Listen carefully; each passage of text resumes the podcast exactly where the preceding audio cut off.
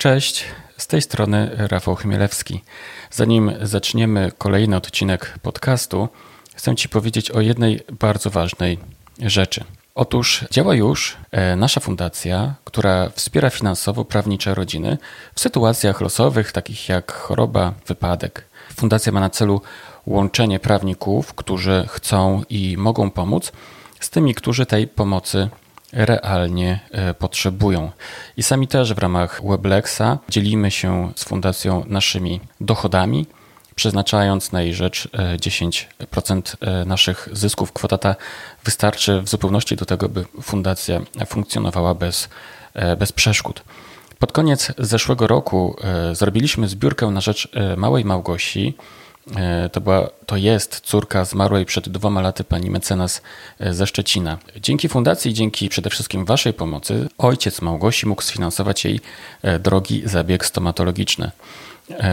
W tym roku planujemy kolejne zbiórki na rzecz innych potrzebujących prawników. Zachęcam Cię zatem, a raczej proszę o wsparcie naszej fundacji, a tak naprawdę przecież o wsparcie tych E, osób w sposób regularny albo w jakikolwiek inny, taki jaki jest e, dla Ciebie najbardziej wygodny. Jak wiesz, każda złotówka ma sens, a każda regularna złotówka ma sens podwójny. E, fundację Weblex znajdziesz w prosty sposób przez jakąkolwiek wyszukiwarkę, wpisując w pasek wyszukiwania po prostu Fundacja Weblex. Z góry dziękuję. To jest 48 odcinek podcastu w drodze do kancelarii. Ja się nazywam Rafał Chmielewski i w tym podcaście rozmawiam z doświadczonymi prawnikami, którzy niejedną wiosnę w todze mają już za sobą.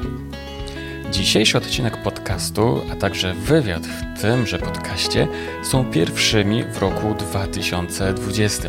Rozpoczynamy nowy rok i co on nam przyniesie? Zobaczymy. W każdym razie odpowiedź na to pytanie zna mój dzisiejszy gość. Zanim powiem, kto to jest, wspomnę tylko, że jest młodym prawnikiem, który rozwija swoją kancelarię od kilku dobrych lat i od tych kilku lat cierpliwie i metodycznie buduje swoją markę za pomocą prawniczego bloga. Może nie byłoby w tym nic nadzwyczajnego, gdyby nie fakt, że blog mojego gościa jakiś czas temu zdobył zaszczytny tytuł bloga roku. I nie mam na myśli tutaj tytułu prawniczego bloga roku, ale tytuł bloga roku w całym spektrum blogów w naszym pięknym kraju. To było wówczas prawdziwe wow. Jak zapewne wiesz, ja sam jestem gorącym zwolennikiem promocji kancelarii za pomocą prawniczego bloga i od 11 lat promuję tę ideę w naszej branży, w tej części świata. Zatem w tym podcaście rozmowy na ten temat po prostu zabraknąć nie mogło. Blog, o którym mówię, nosi tytuł Pra Kreacja, a jego autorem Moim zacnym gościem jest oczywiście mecenas Wojciech Wawrzak, łódzki radca prawny. Siłą rzeczy najbardziej u mojego rozmówcy interesowała mnie tematyka bloga i wpływu tego narzędzia promocji na biznes kancelarii. Poświęciliśmy mu naprawdę dużo czasu. Jednak podczas rozmowy okazało się, że wart poświęcenia czasu jest jeszcze jeden wątek wątek kultury organizacyjnej. Kultura organizacyjna w kancelarii ma dla mnie osobiście niezwykle duże e, znaczenie i jest bardzo ciekawym zagadnieniem, w zasadzie wciąż będącym tematem tabu. Nie tylko zresztą wśród prawników i kancelarii oraz nie tylko w Polsce. Zatem kulturze poświęciliśmy dodatkowo dużo uwagi. Poza tym rozmawialiśmy jeszcze o standardowych rzeczach, takich jak polecenia, obsługa klienta, sprzedaż usług prawnych itd. Tak Padły również nieśmiertelne pytania – czyli m.in. jaką radę dla początkujących kancelarii ma mój gość, co warto przeczytać oraz oczywiście kawa czy herbata. O tym wszystkim posłuchasz w mojej rozmowie z mecenasem Wojciechem Wawrzakiem. Natomiast wcześniej, e, zgodnie z utartą tradycją, poprawnik Kasi, czyli Katarzyna Solga o organizacji kancelarii prawnej. W tym odcinku poprawnika Kasia wyjaśni nam kwestię odpowiedzialności radcy prawnego w związku z udzielaniem porad za pośrednictwem portalu internetowego. Myślę, że to dość interesujący temat, nie tylko zresztą dla radców prawnych. To tyle mojego wstępu. Zapraszam Cię do posłuchania rozmowy z Katarzyną Solgą, a następnie z mecenasem Wojciechem Wawrzakiem. Dodam oczywiście, że podcast w drodze do kancelarii jest z radością wspierany przez słoneczny Weblex oraz oczywiście przez Fundację Weblex. Zapraszam.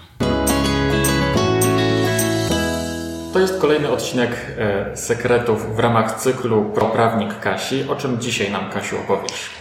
E, dzisiaj mam taką e, informację, którą znalazłam całkiem niedawno, mimo że powstała w styczniu 2018 roku i która mnie naprawdę zaskoczyła, tak? Więc myślę, że może być to zaskoczeniem dla innych kancelarii. No to słuchamy. Dotyczy Yy, konkretnie yy, radców prawnych i jest to stanowisko Komisji Etyki i Wykonywania Zawodu Krajowej Rady Radców Prawnych, które mówi, że radcom prawnym nie wolno jest pod karą dyscyplinarną udzielać porad prawnych za pośrednictwem portali pośredniczących pomiędzy radcą prawnym a klientem ze względu na to, że te portale nie zapewniają wystarczająco dobrze ochrony tajemnicy zawodowej, czyli obsługa tego portalu ma dostęp do merytorycznej zawartości tej porady i co ważne, dzieje się tak, czyli ta odpowiedzialność dyscyplinarna obowiązuje nadal, mimo że klient wyraził zgodę na taką formę komunikacji, tak? Czyli to nie zwalnia radcy prawnego z odpowiedzialności mhm. i jedyną e, rzeczą, która mogłaby zmienić tą sytuację, byłoby to, że dla obsługi tego portalu e, treść merytorycznej porady była i dokumenty, które prześle klient byłaby niedostępna, czyli na przykład szyfrowana. Mhm. Powiem szczerze, że, że zaskoczyło mnie to stanowisko, dlatego że e, no tak naprawdę gdzieś niezależnie od takich portali my i tak korzystamy tak, z pośrednictwa na przykład operatora poczty. Tak? Mhm. E, w związku z tym no mam nadzieję, że, że nie będzie to rozciągane e, w tą stronę. Mhm. E, wiem, że radcy radzą sobie z tym w taki sposób, że na przykład wpisują do umów zgodę klienta na mhm. korzystanie z komunikacji elektronicznej. Mhm. Natomiast w świetle tej opinii Komisji Etyki i Wykonywania Zawodu naprawdę na wiele rzeczy należy spojrzeć w innym kontekście. Ja już wspominałam kiedyś o tym w odcinku, a mianowicie tym, że trzeba korzystać z chmury, trzeba korzystać z systemów do obsługi kancelarii prawnej, które zapewniają szyfrowanie na tyle y, silne, że mm, osoby z obsługi odpowiadające za ten system, za ten program nie mają mm, dostępu do treści tych dokumentów. Tak? Mhm. mhm. Także no jest to dla radców przynajmniej powiedziane jasno i wyraźnie. I to na dzisiaj tyle. No ale poczekaj chwilę, bo to mnie wzburzyło lekko, mhm. ponieważ nie wyobrażam sobie, że to jest tak, że jak już jest zaszyfrowane, to tam nikt nie ma dostępu. Na pewno ktoś ma do tego dostęp. Może ktoś, kto nie zna tego kodu szyfrującego czy czegoś tam, to nie będzie miał do tego dostępu, ale ktoś, kto wie, zna ten kod, wie w jaki sposób się tam dostać, jakiś informatyk w jakiejś tam firmie na pewno będzie miał do tego dostęp. E, to część dostawców systemu twierdzi, że, że nie, tak, że jest to na tyle zaszyfrowane, że po prostu tak naprawdę klucz e, deszyfrujący jest e, zawarty w haśle, to znaczy się my logując się do tego systemu, te dokumenty odszyfrowujemy, tak, mhm. swoim kluczem i dla obsługi treść, zapoznanie się z treścią tych dokumentów jest niemożliwe, tak.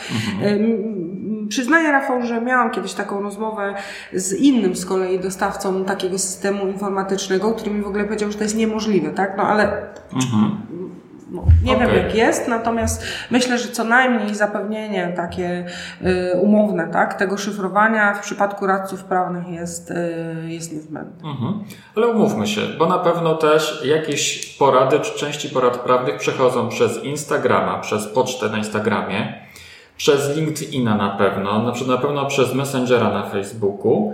Na pewno też takie porady, czy jakieś fragmenty porad są udzielane i tam jakby, tam nikt w ogóle Nikt się tym nie zajmuje, tak? A w kontekście tego stanowiska, które, które przytoczyłaś, to tam to również byłoby niedopuszczalne. Zgadzam się, Rafał. Y, jakby, no, to jest nieżyciowe tak? Jak wiele innych stanowisk po prostu Komisji y, Etyki i Wykonywania Zawodu nie nadąża absolutnie za tym, jak w tej chwili wygląda życie, tak? Natomiast y, no, ja tylko mówię, że takie jest stanowisko, tak? Mhm. Na, na pewno trzeba jakoś to rozważyć. Zresztą ja powiem Ci tak, że y, my w kancelarii tych sposobów, o których mówiłeś, nie praktykujemy, tak? Dlatego Robert nie udziela porad w, w komentarzach.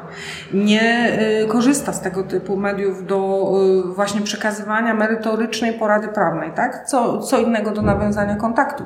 Natomiast e, sama przekazanie dokumentu do kancelarii, czy przekazanie klientowi porady, czy opinii spokojnie i tak naprawdę bez większych nakładów może odbywać się w formie szyfrowanej, chociażby przez e, proste wyeksportowanie tej porady do pliku PDF i zabezpieczenie go hasłem. Da się. Wspomnijmy tylko, że mówimy o stanowisku, które wydała Komisja Etyki i Wykonywania z Zawodu Krajowej Rady Radców Prawnych. Tak, tak? czyli, czyli dotyczy, to radców, radców prawnych, a nie mhm. adwokatów. Yy, tak. Dokładnie, tak? I nie doradców podatkowych, też nie. Też nie, natomiast ja jestem przekonana, że y, jakby zapytać y, Naczelną Radę Adwokatów, odpowiedzieliby dokładnie tak samo, tak? Lepiej nie pytać. Nie, lepiej nie pytać, tak. Dziękuję, Kasiu. To tyle wskazówek od Kasi Solgi. Zapraszam Cię do e, bloga Kasi pod tytułem Jak prowadzić kancelarię oraz do profilu facebookowego o tym samym tytule. A teraz pan mecenas Wojciech Wawrzak. Witam Was serdecznie. Gościem kolejnego odcinka podcastu w drodze do kancelarii jest radca prawny Wojciech Wawrzak, znany e, wielu z nas jako autor bloga Pra Kreacja. Cześć Wojtku. Dzień dobry, Rafale. Dziś jest 25 stycznia 2020 roku. Zgadza się. Mówię o dacie. Wiesz co, bo pomyślałem sobie jakiś czas temu, że powinienem mówić, jaki jest dzień. A to dlatego, że jak ktoś będzie słuchał mojego podcastu za, nie wiem, za 50 lat, za 200 lat, nie wiadomo, no to żeby mniej więcej miał świadomość tego, z, z, którego okresu ten podcast pochodzi. E, sobota e, jest mgliście, ale przyjemnie. Jak się dziś czujesz? Jak to w sobotę? Przyjemnie, w końcu dwa dni bez pracy, czyli weekend. Tym bardziej, że dzisiaj się widzimy w naszym prawniczym gronie wieczorem w Łodzi, więc e, człowiek no, naładowany tak. pozytywną energią. Mm -hmm. Wszystko fajnie. Mm -hmm. To ty to spotkanie zorganizowałeś dzisiaj. Wiesz co, czy zorganizowałem? No podjąłem się e, trudu organizacji, tak? Umówiliśmy się na naszej ostatniej wigilii, że następnym razem może spotkamy się w Łodzi i tak próbowałem tych ludzi trochę przypilić, żeby e, to się udało. Co zabawne, mm, Kasia Przyborowska z bloga Temida jest kobietą, tak? tak Jeżeli dobrze tak. kojarzę. W zasadzie ona rzuciła ten pomysł, żebyśmy to już od razu wpisali w kalendarz tego 25. My wszyscy byliśmy trochę skonsternowani. Mhm. Bo to było takie, każdy miał w głowie, o, gadamy o tym spotkaniu, tak, niego nie będzie. Tak, tak. Potem się okazało, że Kasia nie przyjedzie na spotkanie, mimo że, że bardzo, bardzo chciała tę datę ustalić. No i tak spotykamy się w tej Łodzi. Zresztą padła na grupie fajna propozycja, żeby tak. e, za każdym razem spotkać się w innym mieście u kogoś innego. Mhm. Więc może jakaś inicjatywa co kilkumiesięczna się pojawi ciekawa. Mhm. Ale w sumie w tej grupie to jest chyba większość z Warszawy osób, nie? No bo chyba Poznań, Arek... Warszawa i mhm. Łódź w tym przypadku. Bo Arek Szczudło? Kasia Krzywicka? Kasia Krzywicka. Kto jeszcze dzisiaj będzie? A, z Katowic Kasia Solga przecież. Będzie... Kasia Solga właśnie. Monika Wyckał z mhm. Poznania. Chyba z Poznania, tak sądzę, nie wiem. Tak strzelam, tak mi się wydaje. Z południa chyba, bo razem z Kasią Solgą A to mi się wkręciło, że Kasia Solga też jest z Poznania, więc... tak, trochę poplotkowaliśmy, dobrze. Ale wracając do naszego wątku. E, od ilu lat jesteś radcą prawnym? Chyba nawet lat nie ma. W czerwcu 18 roku chyba było ślubowanie nasze. Aha. Więc jako radca prawny działam de facto od czerwca 18, natomiast firmę swoją prawniczą mam od grudnia 14, więc minęło no w ubiegłym roku 5 lat. Mhm. Więc masz takie dosyć duże doświadczenie biznesowe w naszej branży. No myślę, że jak na mój wiek, to tak. dosyć skromnie. Dobrze. A powiedz, gdzie prowadzisz swoją kancelarię? To jest pytanie podchwytliwe. No. Prowadzę ją w Łodzi, w sensie jestem dumny z tego, że jestem z Łodzi i w Łodzi stacjonuję. Natomiast tak naprawdę to obsługuję klientów z całej Polski, więc można powiedzieć, że prowadzę ją w internecie. Mhm. I też od razu e, podzielać taką swoją refleksją mm, z tym związaną, bo jeszcze powiedzmy w październiku 18 roku, kiedy miałem swój lokal, to sobie myślałem, że właśnie każda kancelaria musi mieć lokal, a bez lokalu to się nie obejdzie, bo raz, że wizerunek, Dwa, że jak pracownicy to muszą mieć miejsce do pracy. Mm, a teraz jestem obecnie na takim etapie, że tak naprawdę o tej kancelarii to nie tyle decyduje mm, lokal, mhm. liczba pokoi mhm. i, i, przestrzeń, co jakaś kultura organizacyjna i ludzie zaangażowani w projekty i fajna atmosfera i przede wszystkim klienci, których można obsługiwać. A że w mojej branży dla tych klientów brak lokalu nie jest problemem, a często zaletą, mm, bo oni się cieszą, że mogą sobie mhm. odbyć wideokonferencję, a nie muszą przyjeżdżać do kancelarii, Także ta kancelaria sobie funkcjonuje w sieci, a ja mieszkam w Łodzi. Mhm, mhm. E, tutaj rzuciłeś, pojawiło się takie słowo klucz dla mnie, kultura organizacyjna, to pozwól, że jeszcze wrócimy do tego zagadnienia e, potem w trakcie. A mm, e, czy wolisz bardziej kawę czy herbatę? Który z tych napojów preferujesz? Zawsze mi się wydawało, że herbata. No. To wyniosłem z domu rodzinnego i myślę, że w Polsce wszyscy jesteśmy do herbaty przyzwyczajeni. Bardzo długi okres czasu kawy w ogóle nie piłem. Jak piłem, to kawę z mlekiem, po której chciało mi się bardziej spać niż przed nią.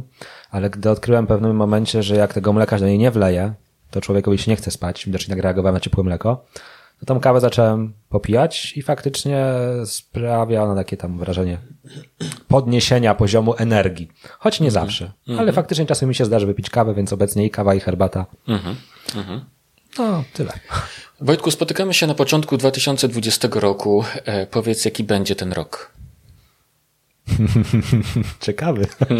E, Rok 2020 będzie taki, jakim sobie go zaplanujemy sami. E, Jak tak patrzyłem na to pytanie, które mi przesłałeś właśnie w 2020, to się zastanawiałem, e, czy mam teraz wchodzić w buty wieszczącego Wojtka, co będzie w 2020 roku i pomyślałem sobie, że tak podzielę się swoją filozofią, którą często w sobie w głowie uprawiam, to znaczy ten rok będzie taki, jaki my go uczynimy. Tak. No to ode mnie zależy, jaki będzie ten rok, jakie będę miał priorytety, jakie będę miał wartości, w jaki sposób będę działał. Tak. Taki rok będzie. Mm, Trochę nie do końca jestem zwolennikiem e, myślenia, rozmawiania o tym, to czym, o, co od nas nie zależy, a o tym, co zależy od nas, więc może w tym duchu. Bierzmy odpowiedzialność za swoje działania i uczyńmy ten rok takim, jakim chcemy, żeby był. No właśnie. E, planujesz sobie działania na kolejny rok, czy, czy nie? Spisujesz się? Nie, nie spisuję. Mm, Nie spisuję, nie planuję mm, planów takich noworocznych, czy też tych postanowień noworocznych, to już od dłuższego czasu nie robię, mm, dlatego że one są tak naprawdę powtarzalne. Co roku to nie są o tyle postanowienia, co powiedzmy nawyki, czyli e, skupianie się na pewnych kwestiach każdego dnia, żeby w długofalowym okresie osiągnąć jakiś rezultat. Mm, Jakichś tam wielkich postanowień em, konkretnych, takich wow, nie mam. No dobrze. E, zmieńmy w takim razie e, nieco temat, albo raczej wejdź, wejdźmy głębiej w naszą rozmowę. E, Jesteś, Wojtku, bez wątpienia pewnym wyjątkiem w naszej branży, albo jedną z tych niewielu osób, które, niewielu prawników, którzy e, rozwinęli, czy rozwinęły e, swoją kancelarię, e, między innymi dzięki wykorzystaniu narzędzia, jakim jest prawniczy blog. Ty blogować zacząłeś w roku. Był Prawni- Prawniczo 2004. blogować we wrześniu 13 roku. No Pierwszy właśnie. wpis, to pamiętam tą datę, bo ja pamiętam, że wszystkie swoje blogowe projekty zaczynałem zawsze albo na początku wiosny, albo na początku jesieni. I to był Aha. pierwszy dzień jesieni 13 roku, czyli 23 września bodajże. Mhm, mhm. E, W międzyczasie do dzisiaj wiele rzeczy się zdarzyło, o tym jeszcze chwilę porozmawiamy. Natomiast powiedz, co ciebie skłoniło do tego, żeby wejść na tę ścieżkę? Wiesz co, to często ludzie mnie o to pytają i wielokrotnie sobie myślę, że mógłbym bardzo łatwo uknąć piękną wizję i historię, że sobie to zaplanowałem, że ja wiedziałem, że tak będzie, że realizowałem punkt po punkcie, że się dowiedziałem i tak dalej. Zupełnie tak nie było. Mm, Ja blogowałem dużo wcześniej nieprawniczo. Mm, A jeszcze zanim w ogóle zacząłem blogować, to udzielałem się w różnych projektach kulturalnych, a to jakieś magazyny muzyczne, jakieś wywiady z muzykami, jakieś tam felietony, a to gazetki szkolne, a to coś tam, więc to pisanie zawsze było ze mną i przy mnie. Jak zresztą rodzice śmieją się po latach, że żałują, że wyrzucili moje pierwsze powieści pisane w wieku 10 lat, bo nie mają pamiątki, a wtedy im się to wydawało no bez znaczenia, a po latach to okazuje się, że takie rzeczy sentymentalnie się przypominają. Więc to pisanie było ze mną zawsze. Gdy pojawił się internet, to ja zacząłem pisać w internecie. No i potem przyszły studia prawnicze, które z moim charakterem, gdzie zawsze poświęcam się czemuś na 100%, sprawiły, że znacznie miałem mniej czasu na różne kwestie poboczne. Więc to pisanie trochę od, od, odłożyłem na bok, potem założyłem jakiego bloga osobistego. I bodajże na czwartym roku studiów przyszedł ten kryzys, gdzie wszyscy moi rówieśnicy mówili sobie, Boże, co my najlepszego zrobiliśmy, władowaliśmy się w tą branżę prawną, a to nie mamy rodziców, którzy mają już ugruntowane kancelarie, w zasadzie nie mamy żadnego zaplecza, czeka nas tu ciężka przyszłość, co z tym zrobić, forum młodych prawników, skakanie z balkonów i takie tam mhm. czarne myśli. Mhm. I wtedy sobie pomyślałem, w sumie piszę tego bloga osobistego, a może by tak sobie coś o prawie popisać, mhm. ale w ogóle nie miałem pojęcia wtedy, że no ten blog to może być jakieś narzędzie do czegokolwiek. Mhm. Po prostu stwierdziłem, to pisanie osobiste trochę się już wyczerpało, już nie generuje nowych czytelników. To są takie moje przemyślenia, które niekoniecznie wiele osób interesują. Spróbuję sobie popisać po oprawie. Mhm. A ponieważ ja też chciałem e, jak gdyby zacząć się dokształcać w tych zakresach dziedzin prawa własności intelektualnej, e-commerce i tak dalej, to pomyślałem, że blog będzie też takim fajnym narzędziem, żeby zacząć się uczyć, no bo na studiach takich przedmiotów nie mieliśmy. Tak. Wiedzy nie było podanej nam na tacy od nikogo, więc jak zacząłem pisać na pewne tematy, to i sam się zacząłem uczyć. Mhm. No i to, tak, tak naprawdę tak to się zaczęło, bez żadnego planu, e, bez żadnej wielkiej napinki. Prawdopodobnie to było tak, że 18 września pomyślałem sobie, o to założę blog prawniczy, a ponieważ ja łatwo, łatwość miałem w kwestiach technicznych, ponieważ zawsze zajmowałem się stronami internetowymi, to sobie tego WordPressa raz, dwa zainstalowałem, jakiś domyślny szablon, no i tak ten blog powstał, więc jego początki w zasadzie są takie mm, e, mało strategiczne, mm, takie bardziej młodzieńcze bym powiedział. No, a nazwa Prakreacja, bo to przecież taki tytuł jest tego bloga, skąd się wzięła? Wzięła się z tego, że od początku miał być to blog o prawie dla kreatywnych. Czyli e, ja sobie tak wymyśliłem, że skoro zawsze interesowała mnie muzyka, że skoro zawsze chciałem w jakimś tym środowisku artystycznym przebywać, no i wybrałem to prawo i tak zacząłem się oddalać od tego zupełnie. To sobie tak zacząłem myśleć, no to co by tutaj zrobić, żeby jakoś to połączyć. Jak sobie pomyślałem, no to jakbym tak zajął się prawem autorskim, to może kiedyś jakiegoś tam muzyka bym przy umowie fonograficznej reprezentował. Mhm. No więc jak prawo dla kreatywnych zaczynam się zastanawiać nad tytułem. No ale teraz prawo dla kreatywnych jakieś takie to długie. Mhm. No to stwierdziłem, jakby to pomyślić. Kreacja, prawo, mhm. prakreacja. No trochę tak to ciężko brzmi, bo dwa razy R w tym naszym polskim, jeszcze jakaś prakreacja, która wszystkim kojarzy się z prokreacją. E, no, I stwierdziłem, no dobra, czemu nie? I w sumie e, wyszło to dobrze, bo wiele osób tę nazwę myli.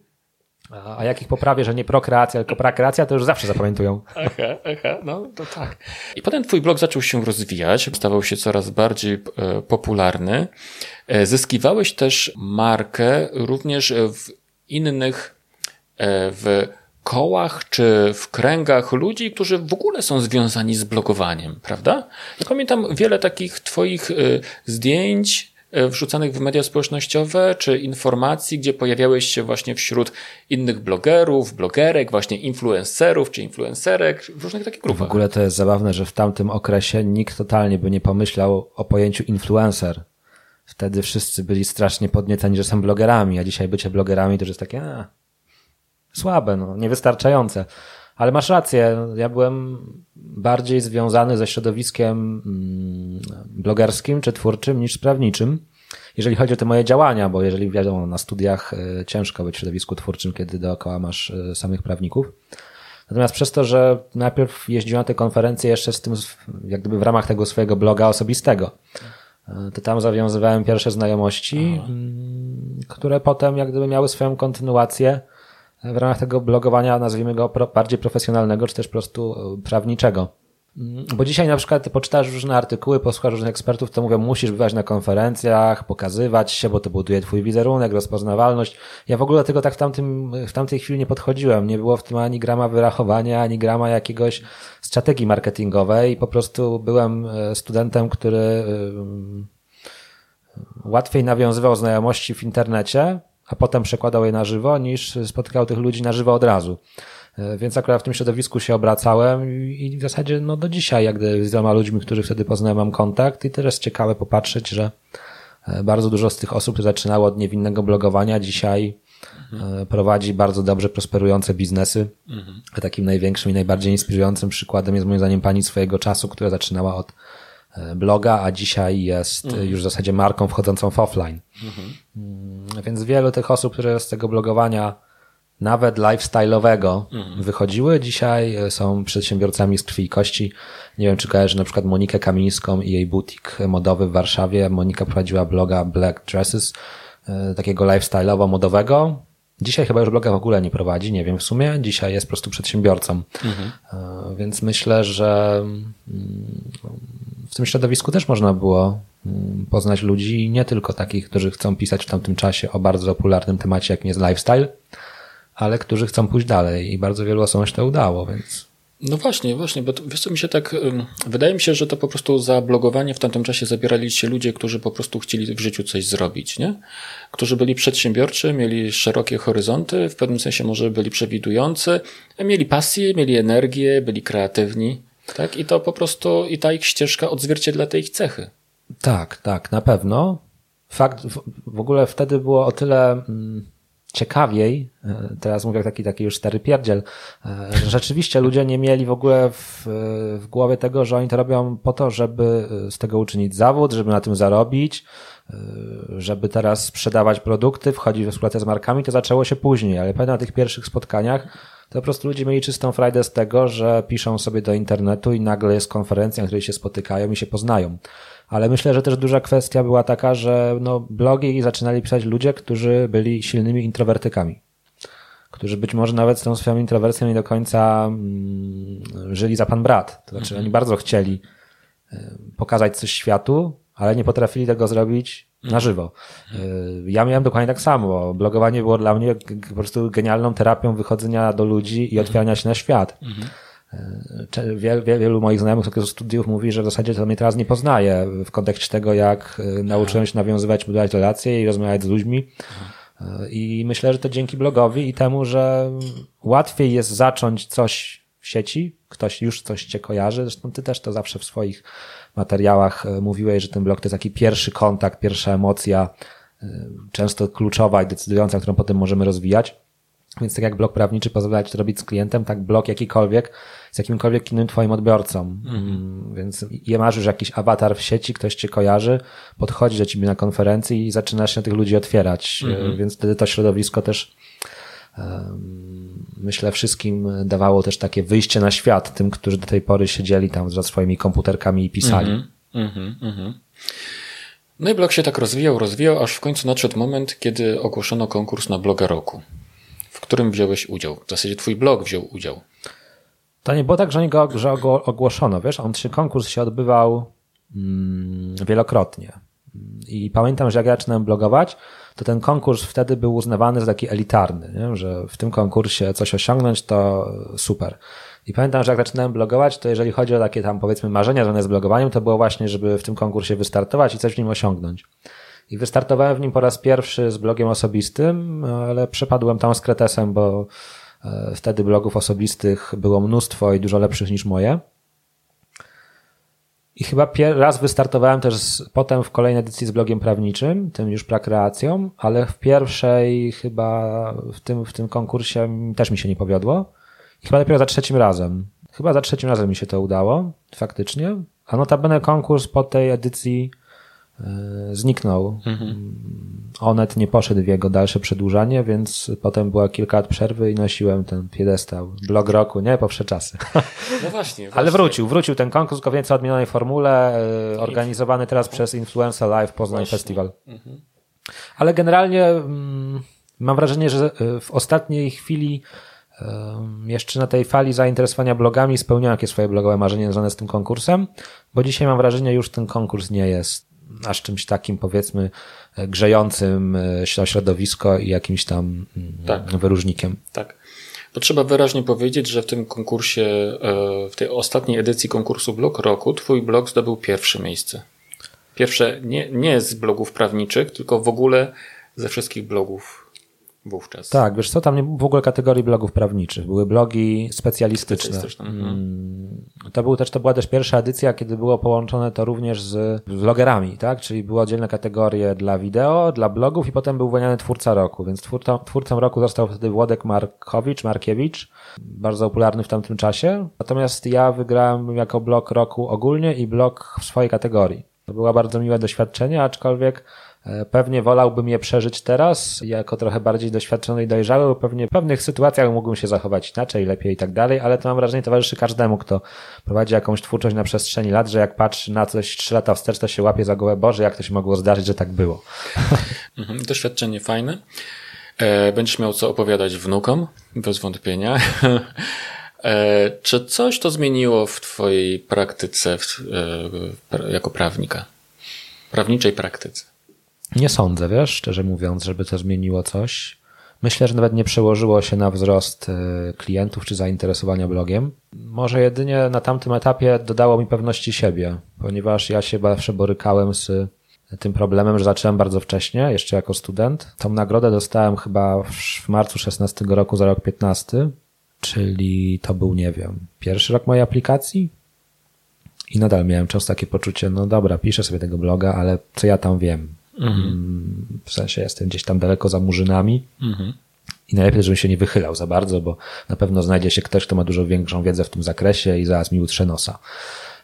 Jak gdyby ta wygrana i to docenienie przez y, jurora, jakiego postrzegałem wtedy jako jakiś tam w pewnym sensie jak autorytet, E, no, dało mi trochę skrzydeł, takiej bardziej może odwagi i pewności siebie, że to nie jest tak, że ja jestem już sobie tylko jakimś tam twórcą, który coś tam pisze do szuflady i w sumie to nie ma e, żadnego znaczenia, bo jeżeli raz, że podoba się ludziom, a dwa, że człowiekowi, który zajmuje się jakimś tam biznesem i pisze o tym w gazecie i prowadzi na ten temat jakiś magazyn, te treści również wydały się przydatne dla przedsiębiorców, no to coś w tym musi być. Więc myślę, że tak to wtedy postrzegałem, aczkolwiek byłem wtedy też bardzo e, no, na innym etapie niż teraz i może gdyby dzisiaj taka nagroda była, może bym ją inaczej e, w swoim biznesie też potrafił wykorzystać. Z perspektywy czasu, czy warto prowadzić blog prawniczy? No jeżeli ja bym powiedział, że nie warto, to bym zadał kłam samemu sobie, ponieważ e, ja swoją, swoje życie zawodowe w zasadzie oparłem wyłącznie o internet i o blog. E, gdyby nie ten blog, no to mogło być tak, że nie prowadziłbym dzisiaj kancelarii, tylko pracował gdzieś albo w ogóle się przebranżowił, bo takie myśli też miałem e, przed startem tego bloga. Mhm. Więc moim zdaniem i w mojej ocenie ten blog prawniczy dla mnie to było mm, wszystko, co miałem w tamtym etapie i dzisiaj nadal jest taką mm, bardzo silnym fundamentem tego, co robię. Mhm, mhm. A nie myślałeś o tym, żeby założyć jeszcze jeden blog? Nie, nie myślałem, dlatego że mm, określiłem go jako prawo dla kreatywnych i okazuje się, że dzisiaj to zawiera już w sobie bardzo dużo. Znaczy, ja zajmuję się podatkami, podatkami, danymi osobowymi, prawem autorskim, e-commerce'em i tu już masz tego tyle, mm, a Unia Europejska nie próżnuje i daje nam chleb regularnie i nieustannie. Więc nie miałbym zwyczajnie czasu, żeby prowadzić kolejny blog. Musiałoby to się odbyć na zasadzie prakreację przekształcić, nie wiem, prawo dla sklepów internetowych, a obok utworzyć blog pod tytułem prawo dla freelancerów. Tylko nie ma to już sensu, bo prakreacja jest kojarzona z tymi tematami i tak, tak czy siak, więc nie myślę o kolejnym, nie miałbym na to czasu, a nie wyobrażam sobie sytuacji, w której ja powierzam prowadzenie bloga e, komuś innemu mhm. i ktoś pisze artykuły, a ja je firmuję. To nie byłby blog moim zdaniem, bo mhm. ja wyrosłem z tej szkoły blogowania, gdzie jest to blog, który wyraża mhm. twórcę za nim stojącym, mhm. a nie jest jakimś tam blogiem jako zakładka na stronie firmowej, gdzie po prostu tworzymy artykuły pod SEO. Mhm. Po mieście taka plotka krąży, którym mieście? że, że blogów prawniczych jest, jest, już tak dużo, że e, nie ma sensu zakładać kolejnego bloga. No jest bardzo dużo blogów, to prawda, prawniczych też. Ale gdybyś na przykład, gdybyś, ale, ale właśnie, właśnie gdybyś zaczynał teraz dopiero, założyłbyś blog? Też to jest takie pytanie pod tytułem, gdyby babcia miała wąsy, to, to byłby dziadek. Nie? No, czy jakbym dzisiaj zaczynał? Mm, nie mam pojęcia, czy jakbym dzisiaj zaczynał, to bym rozpoczął blog. E, bo myślę, że margines wejścia jest bardzo wysoki. Aczkolwiek odwalałbym odpowiedzieć na to pytanie nie przez pryzmat tego, czy ja bym tak zrobił, tylko wydaje mi się, że nadal jest dużo miejsca na blogi dobre i wartościowe. Dlatego, że jak zaobserwujesz, czy ty nie musisz obserwować, bo to obserwujesz na co dzień i to widzisz zapewne, mm, jest bardzo dużo blogów, e, no nie chcę się tutaj jak gdyby wywyższać, ale moim zdaniem przeciętnych, a może nawet nieprzeciętnych i ta przeciętność nie oddaje wiedzy merytorycznej osoby je prowadzącej, tylko albo twórcy używają uwielbionego hasła nie mam czasu, więc skopiują przepis, dodadzą trzy słowa i jest post blogowy. I te teksty są bardzo powierzchowne, albo są napisane niezrozumiałym językiem, więc wydaje mi się, że nadal masz mnóstwo blogów i tak jak mnóstwo treści w internecie, a mimo wszystko bardzo łatwo jest się wyróżnić. Nadal. Więc wystarczy stworzyć blog, czy wystarczy. to w ogóle wystarczy. Trzeba, trzeba znaleźć jakiś swój wyróżnik, dostarczyć jakiejś rzeczywiście fajnej treści, podanej jeszcze w jakiś emocjonalnie taki sposób, który nas oddaje i tak dostaniemy dostrzeżeni. To raz, a dwa, że jednak SEO też dużo robi, bo chociażby mój kolega, który e, opublikował chyba u siebie na blogu, który właśnie taką zakładką strony filmowej 5-6 tekstów, on sam mówi, że to 5-6 tekstów dobrze dopasowanych pod kątem tego, na jakich klientów chciałby zdobywać, już przynosi mu wymierne rezultaty. Więc można nawet nie być rozpoznawalnym blogerem, może o mnie nikt nie wiedzieć, a jednak klienci będą mnie w tym Google znajdować.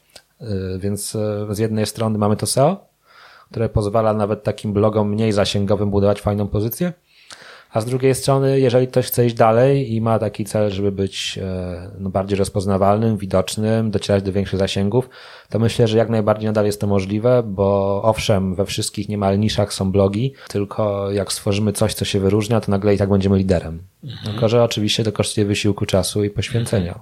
Mhm. Ale ten wysiłek i to poświęcenie się opłaca. Opłaca się w długim dystansie, na pewno. W długim dystansie, w krótkim nie. Wiesz co, nie mnie to oceniać, bo ja nie mam doświadczeń krótkodystansowych. W moim przypadku sprawdziło się w długim. Znaczy ja pierwszy, pierwszego klienta z bloga miałem chyba po roku. A jakieś tam bardziej realne efekty pewnie po półtora, po dwóch, więc był to bardzo długi maraton. Ale nawet y, nie trzeba poprowadzić na moim przykładzie, bo jak posłuchasz Michała Szafrańskiego, który jak gdyby no, jest takim chyba piedestałem, jeżeli chodzi o, o stworzenie własnej marki, własnych książek, własnych kursów na bazie bloga, to on sam mówi, że blogowanie specjalistyczne no to nie jest e, sprint na 60 metrów, tylko raczej maraton na 49 kilometrów albo na 649 kilometrów mhm. po pustyni. Mhm. Więc tak myślę, że zdecydowanie w dłuższym okresie czasu. Jeżeli ktoś oczekuje, że mu blog przyniesie na drugi dzień złoto, to, mhm. to pewnie będzie rozczarowany.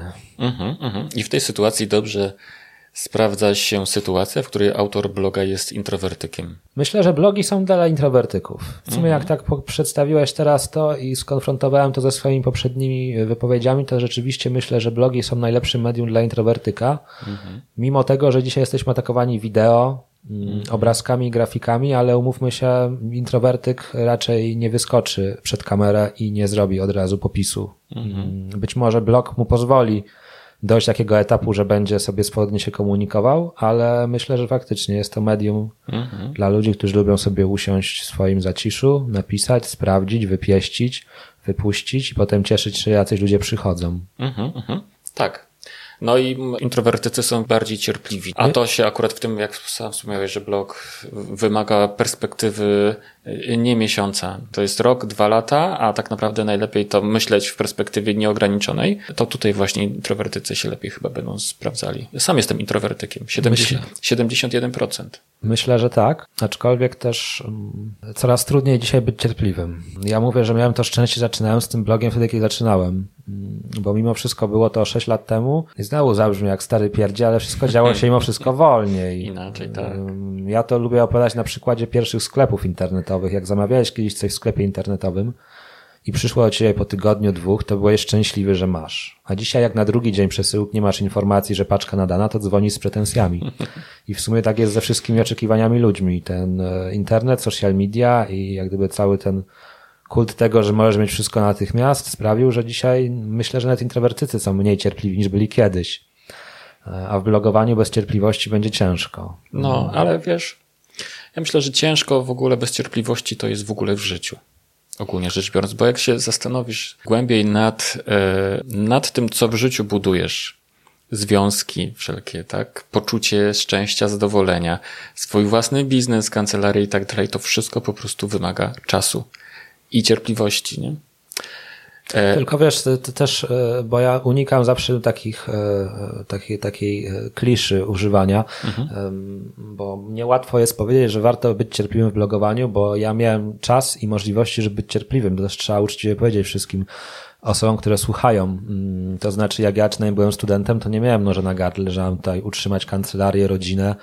Odwrotnie, wtedy byłem utrzymywany jeszcze przez rodziców, więc nie było żadnej tej presji mm, im ktoś wcześniej zaczynał, tym ma łatwiej, bo jeżeli na przykład weźmiemy pod uwagę kancelarię, która jakiś czas już działa na rynku i notuje jakiś kryzys e, i teraz ma poświęcić x godzin na tworzenie bloga, kiedy ona potrzebuje realnych pieniędzy tu i teraz, to dużo trudniej o tą cierpliwość i zaangażowanie, więc trzeba też uczciwie powiedzieć, że u mnie to był też taki splot szczęśliwych przypadków, że zacząłem wtedy, kiedy zacząłem. Nie wiem, czy dzisiaj byłem tak cierpliwy. W sensie, jakbym zaczynał po aplikacji w wieku 28 lat, e, to nie wiem, czy bym wytrzymał rok czekając na to, aż blog przyniesie jakieś efekty. To jest łatwo mówić, ale nie mam pojęcia, czy tak by było. Mhm, mhm. Wiesz co, bez wątpienia tak. E, czasem spotykam się z prawnikami, którzy mają nóż na gardle. Nie? I, I wtedy, w takiej sytuacji, blog absolutnie nie ma żadnego sensu. Tu trzeba działać zupełnie inaczej. Natomiast, natomiast w gruncie rzeczy trzeba mimo wszystko patrzeć na swoje życie w długiej perspektywie, tak? I, i na swój zawód, na to, co robisz, e, co chciałbyś osiągnąć, no nie? I tutaj e, jakby ta perspektywa ma duże znaczenie i wszelkie działania, które umożliwiają realizację w długiej perspektywie są jak najbardziej pożądane. Jeśli ktoś ma nóż na gardle, oczywiście to nie ma sensu. Wtedy tak trzeba po prostu działać w jakiś inny sposób ale jednak trzeba mieć też na uwadze tą perspektywę, że przecież ja będę żył jeszcze kilkadziesiąt lat, nie? I coś muszę z tym swoim życiem zrobić. Yy, to prawda, zgadzam się absolutnie i też yy, od razu chciałem też przemycić taką swoją refleksję dotyczącą tego sloganu nie mam czasu, mam nóż na gardle. Tak jak wspomniałeś, są narzędzia, które yy, we wsparciu profesjonalisty tym się zajmującym jesteś prawdopodobnie uzyskać jakieś efekty dużo szybciej i jakiś tam swój bufor bezpieczeństwa finansowy zbudować w szybszym okresie niż, niż przez blok. No więc też jest, to jest takie pytanie, jak my na ten blok patrzymy? Czy my patrzymy na niego wyłącznie jako narzędzie e, biznesowe, marketingowe, mające przynosić realne korzyści? Czy widzimy w tym blogowaniu również jakieś inne wartości? Mhm.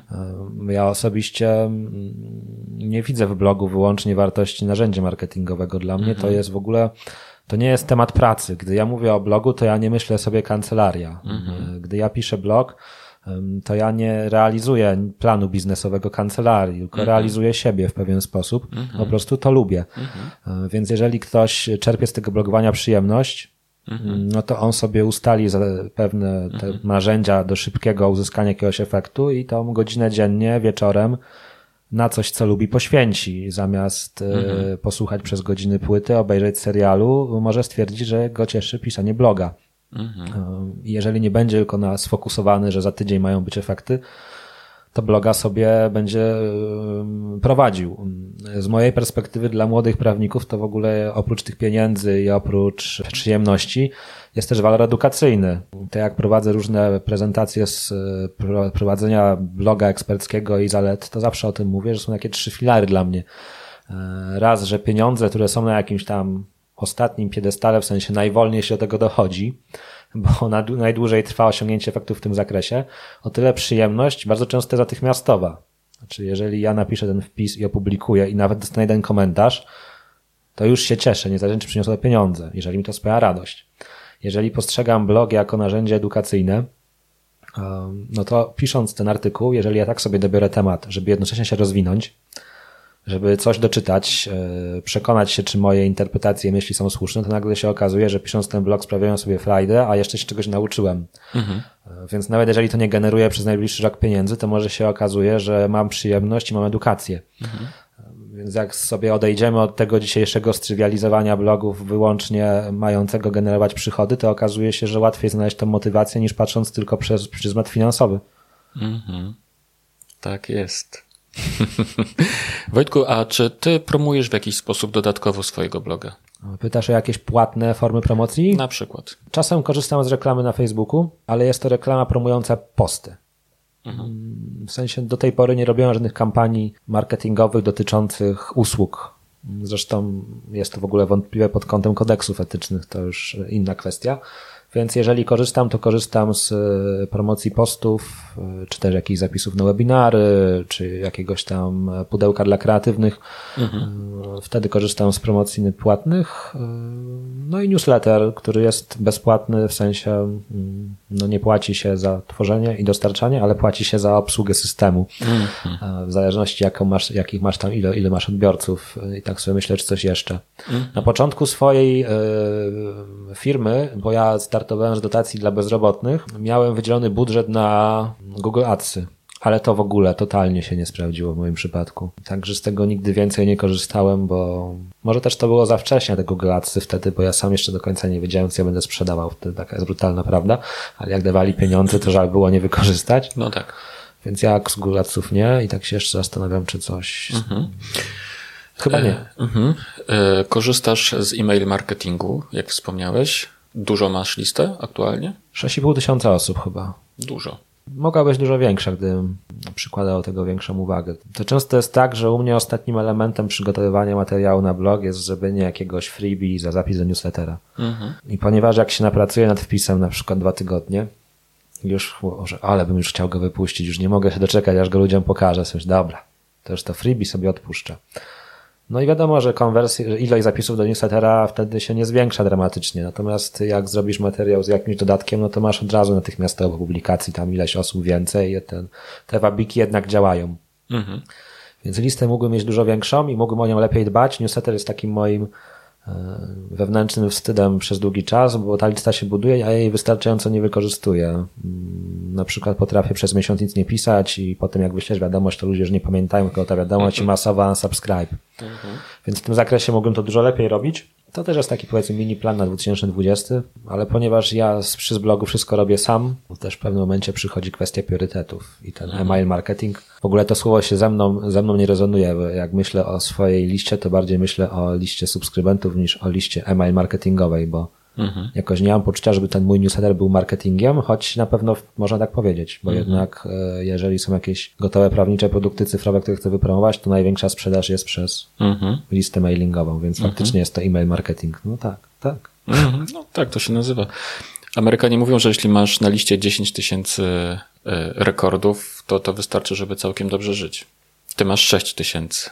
Może powinieneś ją właśnie bardziej uak uaktywnić tych ludzi. Na pewno liczba jest ważna, aczkolwiek z moich obserwacji wynika, że nie tylko liczba. Musi no. być też e, raz segmentacja tych osób, bo to też sam siebie winię za to, że tego nie robię, ponieważ już widzę po unsubscribach, dlaczego no niektórzy się wypisują. Chciałem cię zapytać, kogo masz na tej liście. No, okay. Więc y, mój plan teraz jest taki, żeby ją trochę posegmentować, pytać ludzi, czy chcesz dostawać wszystkie maile, bo mnie lubisz, czy chcesz dostawać maile dla sklepów internetowych, czy chcesz dostawać tak. maile o prawie autorskim, czy o tak RODO. Jest bo bardzo często widzę, że jak wysyłam o prawie autorskim, to ludzie odpisują, a jak wysyłam tak. o RODO, to usuwają się z listy. Mhm. I to można łatwo temu zaradzić, ale póki co mhm. Y, nie chciało mi się, bo nie znalazłem czasu. Mhm. Mm, a dwa, to mój największy błąd z listą mailingową popełniłem gdzieś na początku, kiedy napisałem wpis o wezwanie do zapłaty. I za zapis do newslettera był wzór wezwania. I to był istny dramat, ponieważ lista skoczyła w kosmos, a nikt na tej liście nie był zainteresowany tym, co ja robię na co dzień. Ja, nie reprezentuję klientów w sprawach spornych. Ja nie pomagam odzyskiwać na należności i nagle płacę za tą listę jakieś tam pieniądze i nic z tego nie ma. Mhm. E, więc jak już się otrzeźwiłem wtedy po tym błędzie, to zacząłem ten wzór wezwania sprzedawać za 9,99 i w ten sposób e, nie tylko nie płaciłem za dodatkowych subskrybentów, ale oni mi płacili za wzór. Więc tak, przy, przy, przy newsletterze nawet bym powiedział, że niekoniecznie 10 tysięcy, bo może się okazać, że przy wąskiej niszy, dobrze wyprofilowanej tysiąc okaże się wystarczający. Mhm, oczywiście. E, Wojtku, a ile czasu zajmuje Ci prowadzenie Twojego bloga dzisiaj? Też trzeba by, można sobie filozoficznie zadać, co, jakie czynności wchodzą w zakres prowadzenia bloga. Jeżeli chodzi, a czy ja mam teraz taką zasadę, że staram się poświęcać 30 minut dziennie. Tak. Ponieważ um, kiedyś tworzyłem w innych cyklach, to znaczy y, tworzy, chciałem publikować artykuły, więc na przykład 8 godzin pisałem. Mhm. Ale teraz nie mam takiej możliwości, bo no, do, jak to zawsze z Mikołajem Lechem mówimy, dobry blok ekspercki to taki, który sam siebie zaczyna zabijać w pewnym momencie. Zaczyna ci generować taką ilość klientów, że ty nie jesteś mu w stanie poświęcić odpowiedniej ilości czasu, więc obecnie mam y, założenie 30 minut dziennie mhm. i to się fajnie sprawdza, bo na przykład pozwala raz w miesiącu coś opublikować. Mhm. Natomiast jak sobie obiecywałem, a, to za tydzień usiądę i napiszę ten wpis. No dobra, mhm nie mam siły, to za dwa tygodnie i tak w kółko, -hmm. to potem się okazało, że przez miesiąc nie było żadnej publikacji. -hmm. Więc pół godziny do godziny dziennie. No ale natomiast z blogiem są też związane takie tematy jak posty na Facebooka, to też dany temat związany stricte z blogiem, -hmm. jak jakiś Instagram, jakiś Instastory, jakiś mailing, więc e, różne czynności w związku z tym blogiem wykonuję, ale obecnie jakoś bardzo dużo czasu mi nie zabiera. Też taka brutalna prawda jest, że w pewnym momencie to jest negatywne pojęcie u nas w Polsce, ale on trochę odcina kupony, tak? Od tego, co ładniej można powiedzieć, że mhm. zwraca się inwestycja wcześniejsza. Mhm. Najgorzej jest na początku, czyli zbudować sobie tą bazę mhm. artykułów, do których ludzie mogą przyjść. Mhm. Gdy już ją zbudujesz, na siebie pozycjonuje, to często są przykłady, że możesz nic nie pisać totalnie, a i tak masz ruch. I ten ruch sprawia, że możesz dobrze żyć, jak to powiedziałeś. Więc jeżeli ktoś na przykład patrzy przez, na blog tylko przez pryzmat e, przychodów, to może się okazać, że na przykład po trzech latach już nie będzie miał dalej motywacji pisania bloga, bo już więcej nie będzie w stanie zrobić, e, już więcej mu pieniędzy nie potrzeba. E, ja prowadzę ten blog cały czas, bo po prostu to jest taki mój, moja ambicja i moja przyjemność w publikowaniu nowych rzeczy. Mhm. Więc poświęcam mu to pół godziny dziennie, co jest myślę niewielką ilością, aczkolwiek też nie powiedziałbym komuś, kto by zapytał mnie na początku swojej drogi z blogowaniem, czy pół godziny dziennie wystarczy, czy bym mu powiedział, no raczej wątpię, albo będziesz musiał czekać na efekty nie rok, ale trzy lata. Więc na początku to było dużo, dużo, dużo więcej czasu. Następne pytanie mam na liście takie. Jakie wyzwania stanęły przed Tobą w trakcie prowadzenia Twojego bloga? Największe wyzwania to jest w sumie to, o, czym, o, o czym przed chwilą powiedziałem, czyli mm, za samo zabijanie się bloga przez siebie. Napływ dużej ilości klientów, którymi do końca wiadomo co zrobić. Szczególnie miałem największym kryzysem w mojej tej całej blogowej karierze był okres, kiedy był okres przygotowania do egzaminu zawodowego, a to był taki okres, e, bo mój egzamin był w marcu 18, a 25 maja 18 zaczynało być stosowane RODO. Mhm. A ja nie mogłem nie zrobić materiału na temat RODO. A ponieważ no, moja domena jakąś tam reputację w Google ma, to ten materiał się wypozycjonował szalenie. Mhm. Ja nie byłem przygotowany na obsługę tych klientów ani logistycznie, ani w jakikolwiek sposób. I skończyłem egzamin z końcem marca, chyba zrobiłem sobie dwa tygodnie przerwy. Była połowa kwietnia i tu nagle lawina tych wszystkich maili, ludzi. Pamiętam, że ja wtedy pracowałem od rana do wieczora, wspierając się różnymi osobami, a i tak wielu klientom musiałem odmówić. Mhm. Mm, I tak pewnie wielu nie zrobiłem tak, jakbym chciał zrobić. I to był dla mnie, to był dla mnie trudny moment, to prawda. Mm, więc y, czasem okazuje się, że z pozytywów robią się negatywy. negatywy. Mm, to trochę tak jak kiedyś przyszedł do kliniki prawa, której pracowałem na czwartym roku studiów, pan, który wszedł zapłakany do pokoju i powiedział nam, nigdy nie wierzyłem, ale to prawda, od przybytku też czasem głowa boli. Mhm.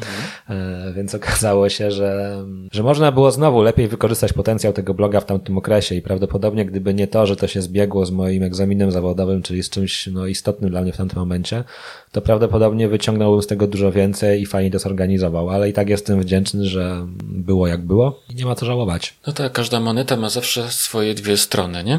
Ale nabrałeś dzięki temu doświadczenia i kiedy znowu przyjdą jakieś zmiany w przepisach unijnych i będziemy musieli się dostosować do kolejnej dyrektywy, to będziesz wiedział, co zrobić. I czego nie robić. E, tak. Wiesz co? Jednego z pierwszych maili, które do mnie wysłałeś, to był mail z 22 lipca 2014 roku. E, bardzo długi zresztą, sobie odświeżyłem trochę pamięć. Dzięki Jesteś mojej, jak mojej Kuba poczcie. Wojewódzki, teraz tutaj jakieś relikty przeszłości odgrzebujesz. No tak. Maila zakończyłeś słowami. Napisałem do ciebie, ponieważ towarzyszy mi wciąż duża niepewność potęgowana moim stosunkowo młodym wiekiem jeśli chodzi o prowadzenie działalności gospodarczej, jednocześnie pracując w kancelariach przekonałem się, że model pracy wyrobnika pracującego po 10 godzin dziennie wyłącznie przy sprawach prawnych, merytorycznych przez najbliżej e, kilka lat nie satysfakcjonuje mnie. Czy e, nie marzy Ci się właśnie taki powrót do kancelarii, gdzie mógłbyś po prostu wyjść, e, wiesz, rano z domu, tam posiedzieć przy komputerze, zrobić co swoje, przyjść i się nie przejmować niczym? Bo pensja wpłynie ci i tak na konto. Wiesz co, to akurat, to akurat jest w końcu jakieś proste pytanie. To znaczy nie, nie marzy mi się zupełnie. No. Z tego powodu jestem bardzo szczęśliwy, że akurat to wiem i, i w tej rejonie życia mogę odpowiedzieć, że tak jestem usatysfakcjonowany z tego wyboru nie marzy mi się, dlatego że to od początku była moja bolączka. To znaczy, mm, prawo chyba nie jest jakąś taką moją mm, największą pasją, żebym spełniał się wyłącznie w pracy merytorycznej. Jak często to ludziom mówię, to pytają się mnie, jak to? Przecież ty z takim zaangażowaniem tego bloga piszesz i tak w ogóle wydaje się, że jesteś takim wielkim freakiem tych wszystkich zagadnień i to jest dla ciebie takie mega pasjonujące. I to prawda, że jest, ale jakbym miał robić tylko to w ramach struktury kogoś innego, to myślę, że nie sprawiało mi to satysfakcji. Bardzo dużą radość mi sprawia to, że oprócz pracy merytorycznej ja tych klientów obsługuję, ja odpowiadam za dobre ich odczucia, wrażenie. Ja mogę decydować o sposobach i formach działania, wybierać sobie terminy, przyjmować klientów, bądź ich nie przyjmować, bądź im odmówić, bądź poprosić o wyrozumiałość i przełożyć na inny termin. Jak gdyby cała ta otoczka organizacyjna często sprawia mi dużo większą frajdę niż sama kolejna praca merytoryczna. Więc w tym zakresie jak najbardziej mogę Ci powiedzieć, że nie, nie, ma, nie marzy mi się wychodzenie do pracy, dostawanie mhm. pensji i wracanie, tym bardziej, że tak mi się coś zdaje, choć nie wiem, bo nie mam takich doświadczeń, że to już tak łatwo nie działa.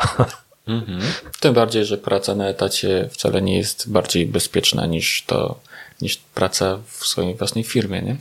Czy wiesz co, podstawowym argumentem, który zawsze ludzie powtarzają, to jest to, że na etacie mają pewność, że dostaną pieniądze. Nie? No, to jest dla mnie takie złudne, no bo na czym ta pewność polega? Przecież pracodawca też może ci nie zapłacić. Na czym ta pewność polega? No jak ci nie zapłaci, no to co? No to możesz kierować roszczenie o zapłatę do niego, ale i tak musisz je kierować. Więc mam wrażenie, że ludziom bardziej chodzi o to, że mają pewność, że będą mieli pracę. Mhm. I faktycznie jest to pewien taki dyskomfort, który ja też miałem przez długi okres czasu. To znaczy, no dzisiaj mam klienta, jutro mogę go nie mieć, dzisiaj mnie lubią, jutro mogą mnie nie lubić, a przede wszystkim nie zarabiam, gdy nie pracuję, czyli mhm. nie mam płatnego urlopu. Tą sytuację też dzięki szczęśliwym zbiegom okoliczności bądź intuicji udało się mi rozwiązać przez moje prawnicze produkty cyfrowe. To jest dla mnie takie, powiedzmy, płatne L4. Mhm mogę nie pracować i jakiś tam dochód mhm. będę generował. Mhm. Czyli cała ta idea pasywnego przychodu, którą nieskromnie powiem, mam wrażenie, że prawników zaradziłem ja jako jeden z pierwszych w Polsce, bo teraz tych wszystkich prawniczych produktów cyfrowych niemal na u każdego blogera prawniczego się pojawiają, a wtedy było to coś, mam wrażenie, w miarę nowego. No więc to jest taki argument dotyczący tej pracy samodzielnie, ten strach przed brakiem klientów. Moi rodzice też uwielbiają mówić mi, że w zakładach pracy, kiedy oni pracowali, to było środowisko, była społeczność, mogłeś się socjalizować, było tak przyjemnie, imieniny, urodziny. I to też pewnie coś w tym jest za dawnych czasów, ale jak dzisiaj rozmawiam z ludźmi pracującymi w korporacji, to oni raczej są średnio zadowoleni z tych relacji panujących w tychże korporacjach. Więc dla mnie, do mnie też ten argument nie przemawia. Mm, no.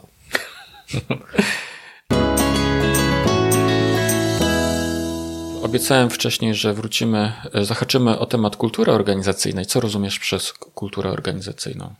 To jest bardzo celne pytanie, bo to jest takie wyświechtane teraz hasło, mam wrażenie, kultura organizacyjna, a ciężko nawet w sumie to zdefiniować. No. Co dla, czym dla mnie jest ta kultura organizacyjna? To jest jakiś sposób e, komunikacji z osobami, z którymi współpracuję. Jakiś sposób na przekazywanie im wartości, taki sposób, żeby oni w nie również wierzyli i chcieli się z nimi utożsamiać, a nie wyłącznie przez e, pryzmat zlecam ci zadanie, płacę ci za nie, więc masz je wykonać bardziej, żeby chcieli, w to, chcieli to wykonać i uwierzyli w to, co robią. To jest też jakieś, są też jakieś standardy e, komunikacji naszej wewnętrznej i komunikacji naszej z zewnętrzem, czyli jakieś e, standardy komunikacji z klientami, z odbiorcami. Nawet bym powiedział, że pewien sposób rekrutacji i w ogóle mm, do takiego podejścia do, tą, do tej osoby, którą zatrudniamy. To jest w mojej ocenie taka kultura organizacji, tylko że moja organizacja jest bardzo mała, więc e, też nie mam doświadczeń w krzewieniu kultury w większych organizacjach. No dobrze, a jak krzewisz kulturę w swojej organizacji? Wiesz co, zaczyna się od rekrutacji. Mm, nie wiem, czy przyglądałeś się e, procesowi rekrutacyjnemu, który tam organizowałem e, ostatnio. Stwierdziłem, że przede wszystkim chcę unikać tego, jak wygląda rekrutacja we wszystkich kancelariach i jak to wygląda z perspektywy młodych prawników, bo ja sam jeszcze niedawno to pamiętam. No tam Pięć lat temu to jeszcze nie jest okres, z czego się nie pamięta, to generalnie w większości przypadków były wtedy przetargi, kto będzie pracował za mniej. E, na tym się koncentrowały rozmowy kwalifikacyjne, bądź panowie mecenasowie po prostu e, już podczas tych rozmów dawali znać, że oni są gdzieś mhm. wyżej, lepiej, więcej i, mhm. I tu prasówkę możesz czasem zrobić. Mhm. Więc ja starałem się w tym procesie rekrutacyjnym przede wszystkim nie powielać standardów, czyli nie koncentrować się na na tym, żeby ktoś mi przysłał CV i, i koniec, i rozmowa, mm, tylko były takie pytania w ramach ankiety rekrutacyjnej, badania jakiego doświadczenia, ale też nie pod kątem, czy ty już wszystko umiesz, tylko jak zareagujesz na to, gdy ja cię o coś zapytam. I to, to akurat podłapałem od pani swojego czasu. I ta ankieta była genialna, ponieważ na te same pytania ludzie potrafili odpowiadać w tak najróżniejszy sposób. Jedni odpowiadali, nie odpowiem, bo nie udzielam bezpłatnych porad. E, no to jeżeli ktoś pisał w taki sposób w rekrutacji do mnie, no to ja raczej czułem, że nie do końca będziemy nadawać w tych samych falach. Część osób nie miała wiedzy, a pisała w fantastyczny sposób, jakby ten problem rozwiązała, do kogo by zadzwoniła, z kim porozmawiała, a część miała wiedzę, a jeszcze inni próbowali udawać, że ją mają. Mm. Ta rekrutacja jest jak gdyby takim przejawem dla mnie tego, czego ja oczekuję od tej osoby i jakbym widział naszą współpracę. I też potem pytałem wszystkich tych ludzi, którzy brali w tym udział rekrutacji, pierwszej jak gdyby połączonej z tą rozmową na żywo, a drugiej tej wirtualnej, jak oni odbierają. I strasznie mnie cieszyło to, że szczególnie ta pierwsza, bo ta pierwsza była skierowana do studentów, że wszyscy studenci przychodzili i mówili, i po rekrutacji, nawet jeżeli zakończyłem ich negatywnie, mówili, że fajnie, w ogóle super, pierwszy raz przyszedłem taką rekrutację, w której poczułem, że w ogóle ja mam jakieś znaczenie dla tej osoby, która mnie rekrutuje, a nie jestem tylko kolejnym CV i ktoś nawet nie odpisze mi, czy tak, czy nie i dlaczego, że w ogóle cieszę się, że mogę te zadania wykonać i porozmawiać i w ogóle super.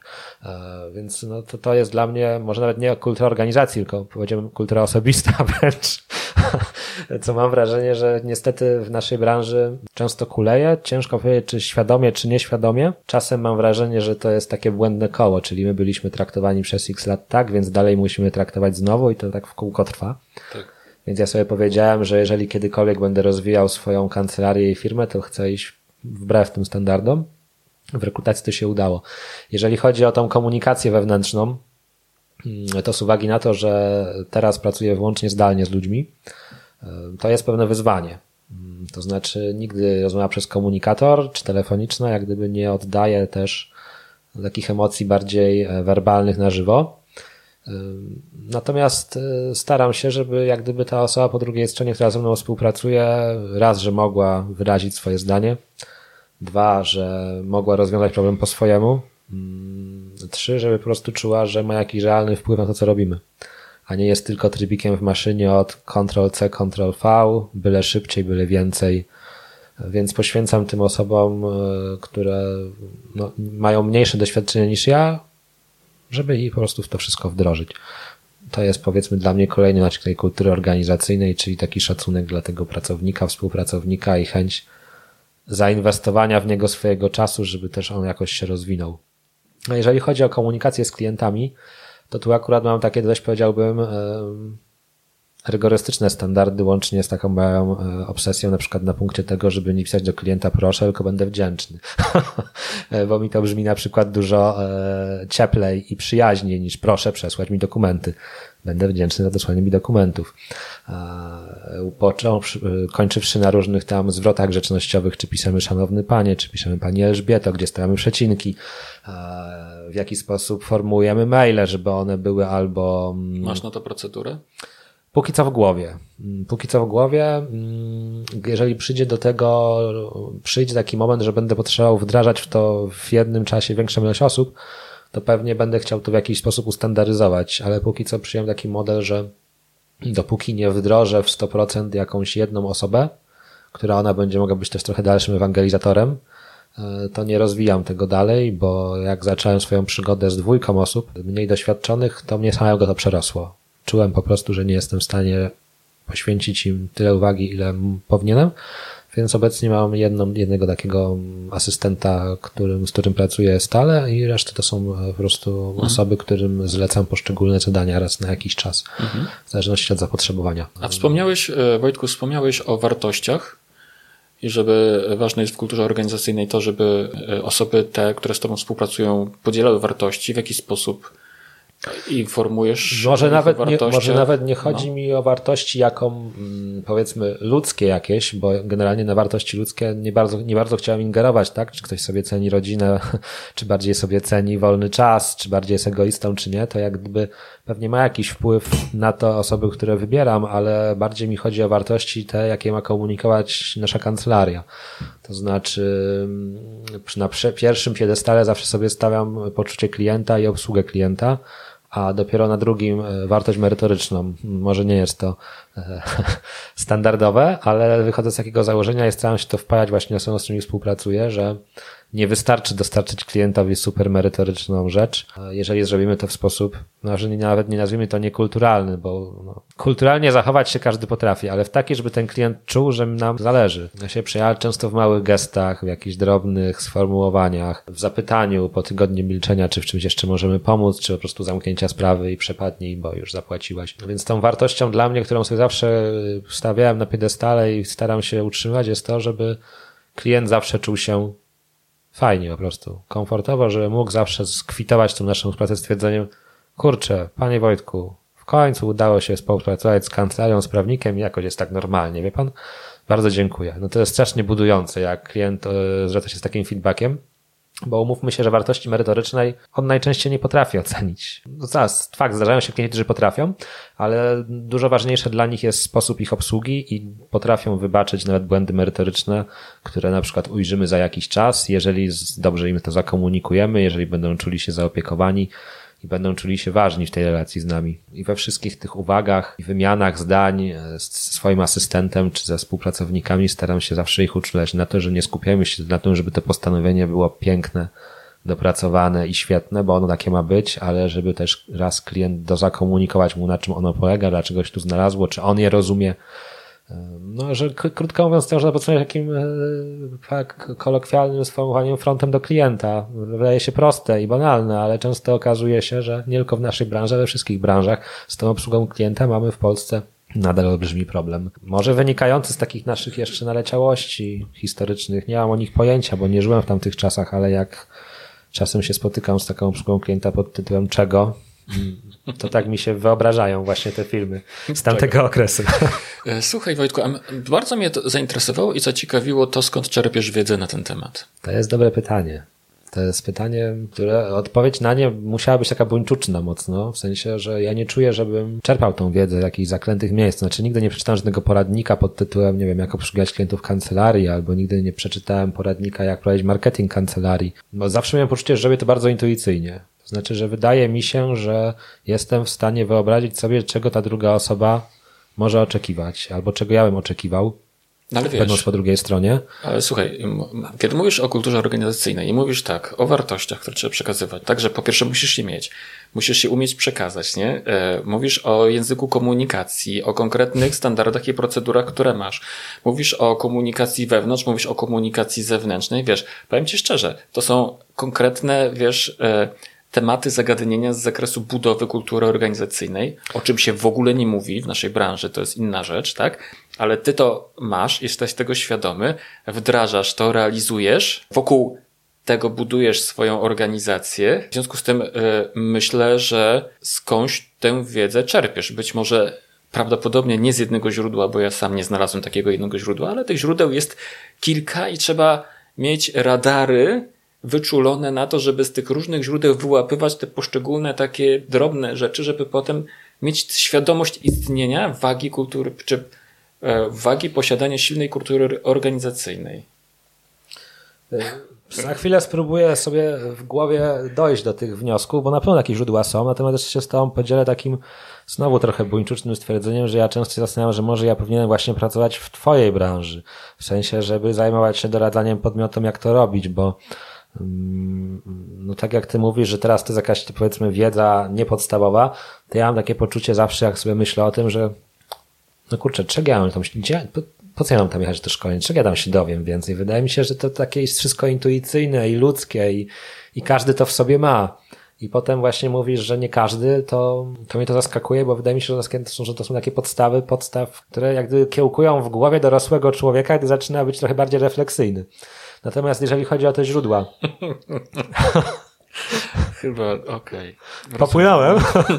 nie, nie popłynąłeś, tylko tak powiedziałeś, tak wiesz, taką wiarę, e, wiesz, masz w ludzi, że jak e, nabierają lat, to stają się bardziej refleksyjni. Z pewnością tak nie jest. No, ale... Hmm. Może to jest błąd poznawczy. Ja często popatrzeć to, co jest na zewnątrz, ja często to, co się dzieje. A to więc... fakt, że ja często popełniam błędy poznawcze, one często mnie drogo kosztują. To każdy, wiesz, każdy z nas. Więc może sobie źle wyobrażam świat, ale to chyba lepiej, że sobie go wyobrażam pozytywnie, niż go sobie wyobrażać negatywnie. Oczywiście. E, natomiast jeżeli te źródła, to postaram się coś e, tutaj e, ukuć, bo to też nie jest tak, że to wpływa do mojej głowy z nieba Natomiast myślę, że nie są to źródła stricte skupione na marketingu prawniczym, ani na jakichś takich, wiesz, tak. Y, książkach dedykowanym prawnikom, nie? Mhm. W sensie ja się tym zawsze interesowałem, y, chociażby pod kątem użyteczności stron internetowych. No ja tworzyłem strony internetowe, w pierwszym webmajstrze rozpoczynałem od, Onetu od powiedzmy dziewiątego roku życia, jak moi koledzy grali w e, Pokémony Red, no to ja robiłem strony internetowe, więc naturalnie się interesowałem po tym, co na tych stronach działa, nie? Dlaczego ludzie klikają w ten przycisk, a ten omijają. No i pewnie jakieś zagraniczne podcasty zacząłem w tym temacie słuchać. Obserwować sobie, nie wiem, jak Pat Flynn to rozwiązuje. Potem patrzeć, jak Szafrański to rozwiązuje, który notabene powiela Pata Flynna w wielu, wielu kwestiach. Myślę, że to dobra twoja uwaga jest, że to spływa z wielu źródeł, Natomiast myślę, że najważniejsza to jest w tym wszystkim otwartość. To znaczy, no nie zamykanie się na takie stwierdzenie, że teraz to ja już wiem, jak tego bloga prowadzić, więc ja będę go zawsze prowadził w ten sam sposób. I wszystkim mówił, że tak trzeba, bo raz, że trendy się zmieniają, a dwa, że dookoła jest mnóstwo inspiracji. Nawet nie trzeba czytać książek poradnikowych, bo jeżeli jesteś konsumentem treści, nawet nie zawodowych, ale prywatnych, które Cię interesują, to jesteś w stanie coś tam podpatrzeć. Na przykład ja gram na gitarze i jest taki y, kwadrans dla gitary.pl. Tam nawet prawnik, który po prostu korzysta prywatnie z tego, y, może podpatrzeć pewne mechanizmy marketingowe. Najprostszy mechanizm, jaki ja się, ja sam tam podpatrzyłem, to jest taki, że y, pierwsza oferta, jaka do ciebie spływa, to jest oferta kup ode mnie kurs za 9,99. Mm, myślę, nie no, za 9,99 jakiś chłam będzie. No i kupiłem ten kurs. I to był tak potężny, fantastyczny kawał wiedzy, z godzinę wideo podzielone na ćwiczenia na lekcje, to sobie myślałem, no jakby zrobił coś bardziej płatnego, to dopiero byłby sztos. Nie? No i za chwilę przychodzi mail. Przerobiłeś mój kurs, wiedz, że mam teraz rozwinięcie go za taką cenę. No i sobie myślę, no to jest fajny przykład, a jakby go tak wykorzystać u siebie? No i w ten sposób, wiesz, jesteś konsumentem jakiejś innej treści nieprawniczej, widzisz, że sam się na coś złapałeś, znaczy nie powiedziałbym złapałeś, bo to, to tak. jest negatywne słowo, ale to do ciebie przemówiło, tak, to zadziałało, tak. więc dlaczego nie możesz pomyśleć, żeby w swoim prawniczym biznesie też jakieś takie mechanizmy zastosować? I nie chodzi tak. teraz o stosowanie sztuczek, żeby sprzedać yy, słaby produkt w ładnym opakowaniu, tylko żeby jakby, no, wywrzeć to psychologiczne wrażenie na kliencie. Więc to są jakieś źródła inspiracji, powiedzmy w ogóle automatyczne. Wystarczy być bardziej świadomym jako konsument w swoim życiu i już masz totalną inspirację. Tak. No oprócz tego jest w sieci mnóstwo tych wszystkich materiałów, tylko że ja jak gdyby nie mam cierpliwości do czytania poradników w całości, więc jak na przykład stwierdzę, że y, mam za małą otwieralność maili, no to googluję coś w tym temacie. No a w Google'ach jest dzisiaj wszystko. Y, więc za chwilę znajdziesz materiał, który dotyczy tego, jak możesz usprawnić swoją otwieralność maili i co zrobić, żeby z 25% zwiększyło się do 50%. No i teraz znowu nie wystarczy przeczytać, tylko trzeba coś zrobić, więc siadasz do swojego programu mailingowego i coś tam kminisz, co zrobić. Zmienisz tytuł, ustawisz automatyzację, sprawdzasz, co zadziałało. Zadziałało, no to fajnie, no to znaczy, że super. Nie mhm. zadziałało, dlaczego nie zadziałało? Więc mm. no taka, to jest taki miks, trochę wiedzy, trochę inspiracji, trochę działania, wszystkiego po trochu. No ale jeżeli chodzi o kulturę organizacyjną, to ogólnie rzecz biorąc e, nie ma. Ja się nie spotkałem z pozycją z pozycją e, taką, która byłaby tylko i wyłącznie poświęcona temu zagadnieniu. Znalazłem tylko jeden podcast i ten podcast tak naprawdę były dopiero chyba cztery czy pięć odcinków było, e, więc. Czy wiesz, jaki jest, jest problem moim mało. zdaniem? Że jak powiesz komuś, zainteresuj się kulturą organizacyjną, to większość ludzi sobie myśli, kultura organizacyjna, a jakiś mądruś. Nie, dajmy spokój. A ja na przykład sobie teraz przypominam odcinki podcastu Pani swojego czasu, gdzie ona mówi o rekrutacji, gdzie mówi o swoim zespole, który nazywa Gangiem PSC. To, to ona tam nie używa terminów kultury organizacji, jak wdrożyć kulturę organizacji w swojej firmie, tylko przez konkretne przykłady, tak.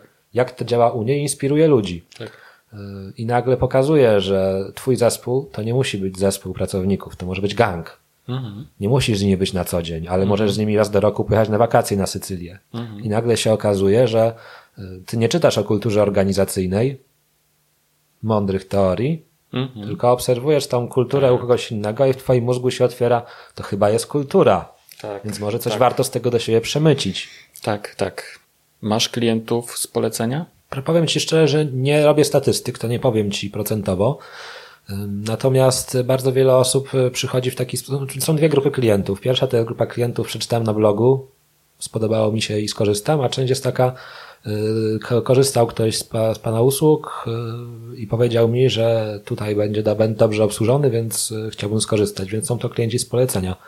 Natomiast to polecenie i tak ma pierwotne źródło w blogu, to znaczy nie mam żadnych klientów. Myślę, że ci klienci z polecenia są klientami poleconymi przez osoby, które trafiły do mnie przez blog. Mhm. Dlatego ja zawsze mówię, że jestem dzieckiem internetu i dzieckiem blogów, bo wszystko zaczęło się od tego. Tak. Chciałem nawiązać do tego, że w moim przekonaniu klienci z polecenia e, pojawiają się wtedy, kiedy masz dobrą obsługę klienta, nie? Że to jest jakby kluczem, tak? tak. A nie ma dobrej obsługi klienta według mnie, bez odpowiedniej kultury organizacyjnej. Znaczy, to nie chodzi o to, że ktoś musi być świadom istnienia kultury i musi wiedzieć, jakie mechanizmy, procesy i procedury i tak dalej, bo niektórzy to mają zupełnie naturalnie, tak? Pewne rzeczy robią zupełnie naturalnie i im to po prostu tak wychodzi, że mają dobrą usługę klienta, a jak mają dobrą usługę klienta, to wtedy mają też, też i, i polecenia. Dobrze, zamknijmy temat kultury organizacyjnej. Ja chciałem tylko jedno słowo powiedzieć. Umówmy się, Śmiało. że jak zaczynałem, czy byłem w drugim roku działalności, to nie miałem ani kultury organizacyjnej, no tak. ani nie miałem jakiejś obsługi klienta, ani żadnej automatyzacji, ani żadnego systemu CRM, pewnie nic nie miałem. Więc to też nie jest tak, że musisz otwierając kancelarię mieć wszystko, czyli mieć od razu kulturę organizacyjną, mieć od razu automatyzację, systemy i wszystko. Nie, to tak. przyjdzie z czasem, tylko po prostu trzeba no, być otwartym i chcieć do tego dążyć. To bardzo ważne, co mówisz. Z Kasią Krzywicką i Arkiem e, Szczudło zrobiliście nowy projekt. Powiedz coś więcej na ten temat. Zrobiliśmy nowy projekt i robimy go dalej. Legal Room. Mhm. Legal Room.pl to jest taki projekt, który nazwaliśmy projektem dla nowoczesnych prawników. Mm, cały projekt zaczął się od tego, że Kasia otrzymywała bardzo dużo różnych takich wiadomości, jak sobie poradzić w tej branży, że może na kogoś przeszkoli, że no, chcieliby tak fajnie działać, podpytują i tak dalej. Jak trafiliśmy na siebie zupełnie przez przypadek i okazało się, że w trójkę mamy bardzo podobne doświadczenia, czyli jesteśmy stosunkowo młodzi, mamy jakąś wszyscy zbudowaną pozycję, mamy swoich klientów, w jaki sposób się wyróżniamy na tym e, rynku usług prawnych dedykowanych tym nowym technologiom i tak dalej. I bardzo dużo osób od nas chce się coś dowiedzieć i też by tak chciało. No i pomyśleliśmy sobie, że to jest taki dobry, do, dobry moment, żeby może pokrzewić trochę tę naszą otwartość i i pomysły i sposoby na działania i pokazać prawnikom właśnie młodym, wchodzącym na rynek, czy też po prostu interesującym się określonymi zagadnieniami, jak my to robimy, jak mhm. można to robić, jak można się rozwijać, dlaczego warto być otwartym, dlaczego warto o kulturze organizacyjnej sobie w głowie pomyśleć, e, jak pisać, e, jak się poruszać w tych tematach, jak rozmawiać z klientami. Mhm. Bo e, widzisz, to znowu jest ten sam wątek, bo nam wszystkim w trójkę wydaje się takie naturalne, bo każdy ma podobne doświadczenia i w sumie prawdopodobnie jesteśmy wszyscy w trójkę, Arek, Kasia i ja tutaj, gdzie jesteśmy, dlatego, że mieliśmy jakąś tą intuicję, powiedzmy, rozwiniętą trochę bardziej i działaliśmy intuicyjnie w pewnych kierunkach, które były przyjmowane przez klientów. No a może nie wszyscy tak mają i potrzebują jakiejś porady, pomocy, poprowadzenia trochę za rękę.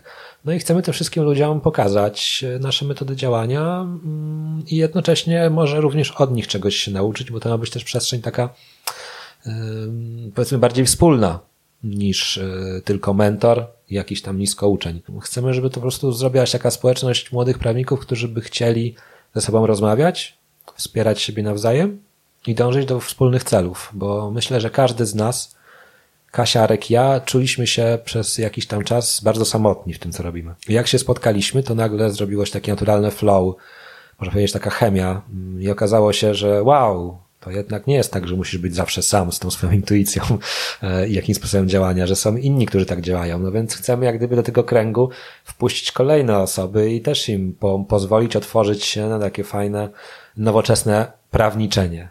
Mm-hmm, mm-hmm. I u Was na stronie legalroom.pl, tak, e, można zapisać się na minikurs.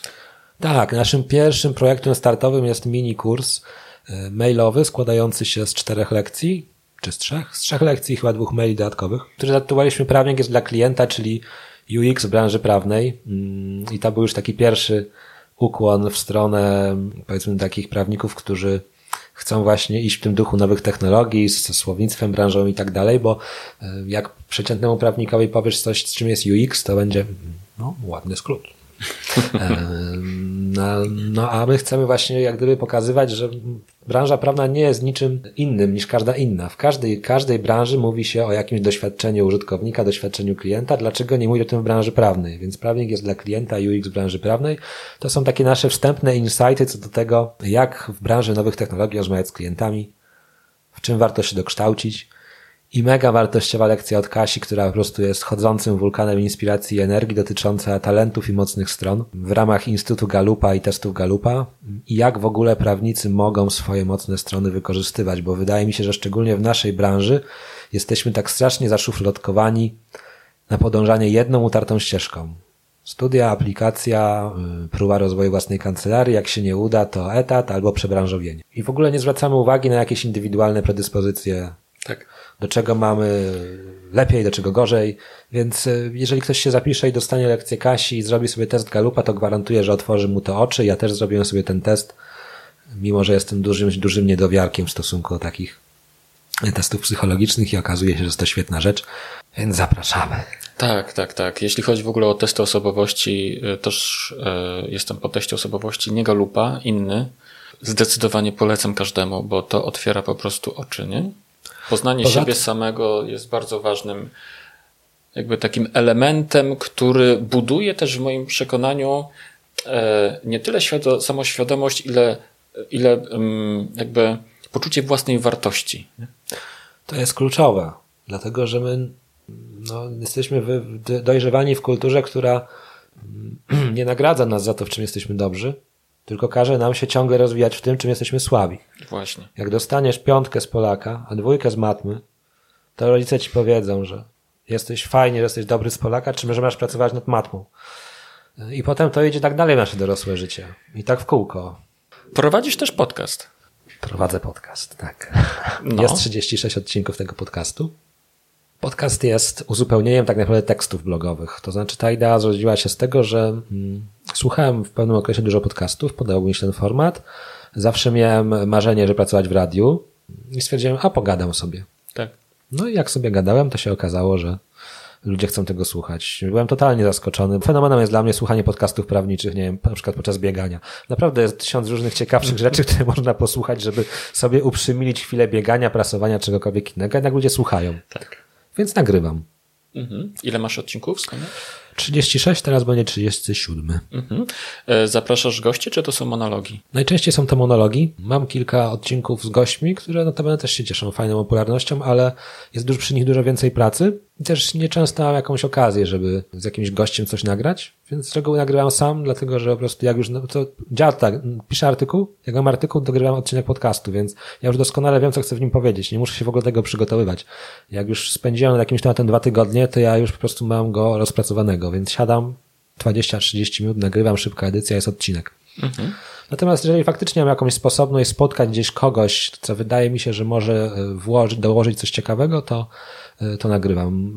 E, chyba taką najfajniejszą rozmową, jaką nagrałem, to była rozmowa z Alkiem Tarkowskim o prawie autorskim w perspektywie tej nowej dyrektywy. Mhm. Mm, gdzieś na jakiejś konferencji kiedyś byłem kilkudniowej i akurat on tam był i udało mi się go namówić. Ostatnio nagrywaliśmy rozmowę z Kasią, Krzywicką o monitoringu wizyjnym i też te rozmowy fajnie wychodzą, ale są większym wyzwaniem. Zresztą jak ty prowadzisz rozmowy, to myślę, że też wiesz, że e, no jednak do tej rozmowy trzeba się w jakiś sposób przygotować, nastroić, poprowadzić. Ale wolę, wolę e, jednak rozmowę? rozmowę niż monolog. Nie, ja lubię jedno i drugie, a, monologi mhm. szybciej się nagrywa.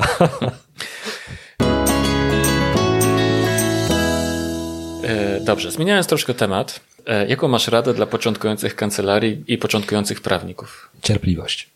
To jest w ogóle, myślę, nie tylko rada dla prawników i kancelarii, ale dla ludzi w ogóle w dzisiejszym społeczeństwie. Mm, tylko cierpliwość może nas uratować. Mhm. Jeżeli będziemy chcieli mieć coraz szybciej, coraz więcej wszystkiego, -hmm. efektów, to w pewnym momencie to już będzie niemożliwe. Mam -hmm. wrażenie, że my już w tej chwili jesteśmy na granicy -hmm. szybkości. Znaczy, mhm. ja sam już to obserwuję. Teraz mam taki trend, że staram się wyłączać internet w telefonie mhm. i potem na przykład włączam po pięciu godzinach i potrafią być wiadomości, Wojtek, dlaczego mi nie odpisujesz? Mhm. Trzy lata temu, jak odpisałeś na SMS-a następnego dnia, to było to normą. Więc ta cierpliwość, e, żeby już nie wchodzić znowu w filozoficzne dysputy, jest dla mnie, dla kancelarii, dla prawników kluczowa o tyle, że jeżeli obieramy jakąś drogę, mm, no to cierpliwość na niej mm, jest takim elementem kluczowym. Są nawet jakieś statystyki mówiące, że ileś procent y, osób y, odpuszcza powiedzmy 95% przed sukcesem. Czyli mm -hmm. można sobie taką linię wyznaczyć, y, w której powiedzmy sukces jest w trzech czwartych, mhm. jakkolwiek definiowany i ktoś w połowie odpuszcza, a okazuje się, że zostało mu jeszcze na przykład dwa tygodnie mhm. i coś by się wydarzyło. Mhm. Ja wiem, że teraz bardzo trudno jest wyznaczyć granicę, do kiedy się angażuje, a kiedy przestaje, ale myślę, że lepiej uczynić ją dłuższą niż zbyt krótką. Więc ja bym przede wszystkim radził cierpliwość. Oczywiście to też zależy od tego, jak definiujemy sukces, tak? Co, co dla każdego to też będzie oczywiście zupełnie coś innego znaczyło. E, natomiast tak, e, absolutnie ta cierpliwość według mnie też jest kluczowym e, elementem. Mówiliśmy już o tym, tak? To już nie, nie ma czego tutaj powtarzać, ale z drugiej strony, ale z drugiej strony wydaje mi się, że właśnie w takich czasach, które, które pędzą, kiedy większość ludzi jest przyzwyczajonych do tego, że wszystko jest na już, o tym, to jest też to, o czym wspomniałeś, o tym, że kupujesz, kupujesz coś w internecie i na drugi dzień masz niemalże w domu u siebie, nie? E, to w takich też czasach wygrywają właśnie ludzie ci, którzy są cierpliwi, którzy jednak są w stanie się poświęcić, zaplanować sobie pewne działania, tak, zaplanować sobie cele i po prostu cierpliwie dzień po dniu dłubać. E, to prawda. Mm, I od razu mi się kojarzy z drugą radą, związaną z cierpliwością. Nie porównujmy się do innych, bo ludzie cierpliwi osiągają ten sukces, powiedzmy, jakkolwiek definiowany w dłuższej perspektywie czasu, i dzień w dzień są bombardowani komunikatami w social media, jak to ktoś inny ma pięknie, genialnie i świetnie i w ogóle od razu to osiągnął. I kiedyś nie było tych porównań, nie było się za bardzo, znaczy mogłeś się porównywać na przykład do Zidana, ale wiedziałeś, że jest to porównanie um, takie abstrakcyjne. A teraz masz wszystkie osoby na wyciągnięcie ręki na Instagramie, na social media i codziennie wydaje ci się, że jesteś dynamizerem że jakkolwiek byś się nie starał, to zawsze jest ktoś, kto ma lepiej, łatwiej, ładniej, szybciej, bogaciej, w ogóle naj. A to tak nie jest, bo ludzie pokazują tylko to, co jest fajnego w ich życiu i skrzętnie ukrywają to, co jest niefajne. Dokładnie. Więc z tą cierpliwością myślę, że musi za nią iść taka właśnie pokora i, i zdawanie sobie sprawy, że nawet jeżeli ktoś nas mami szybkimi efektami, to najprawdopodobniej ściemnia. Mhm. Pokazuje jakąś część zagadnienia. Mhm. No i jeżeli będziemy cierpliwi, nie będziemy się porównywać do innych, to jest szansa, że gdzieś nas ta cierpliwość doprowadzi. Natomiast to porównywanie się do innych może bardzo szybko, skutecznie tą cierpliwość zabić, bo jak długo można być cierpliwym, dłubać bez efektów, kiedy widzi się dookoła wszystkich ludzi, którym wszystko się udaje. Mm. Tylko mnie nie. Jak to możliwe? Mm, mm, Widocznie jestem jakiś gorszy, nie? Właśnie. A czego tacy początkujący prawnicy według ciebie powinni unikać? Unikać? Doradztwa innych osób, które wiedzą lepiej.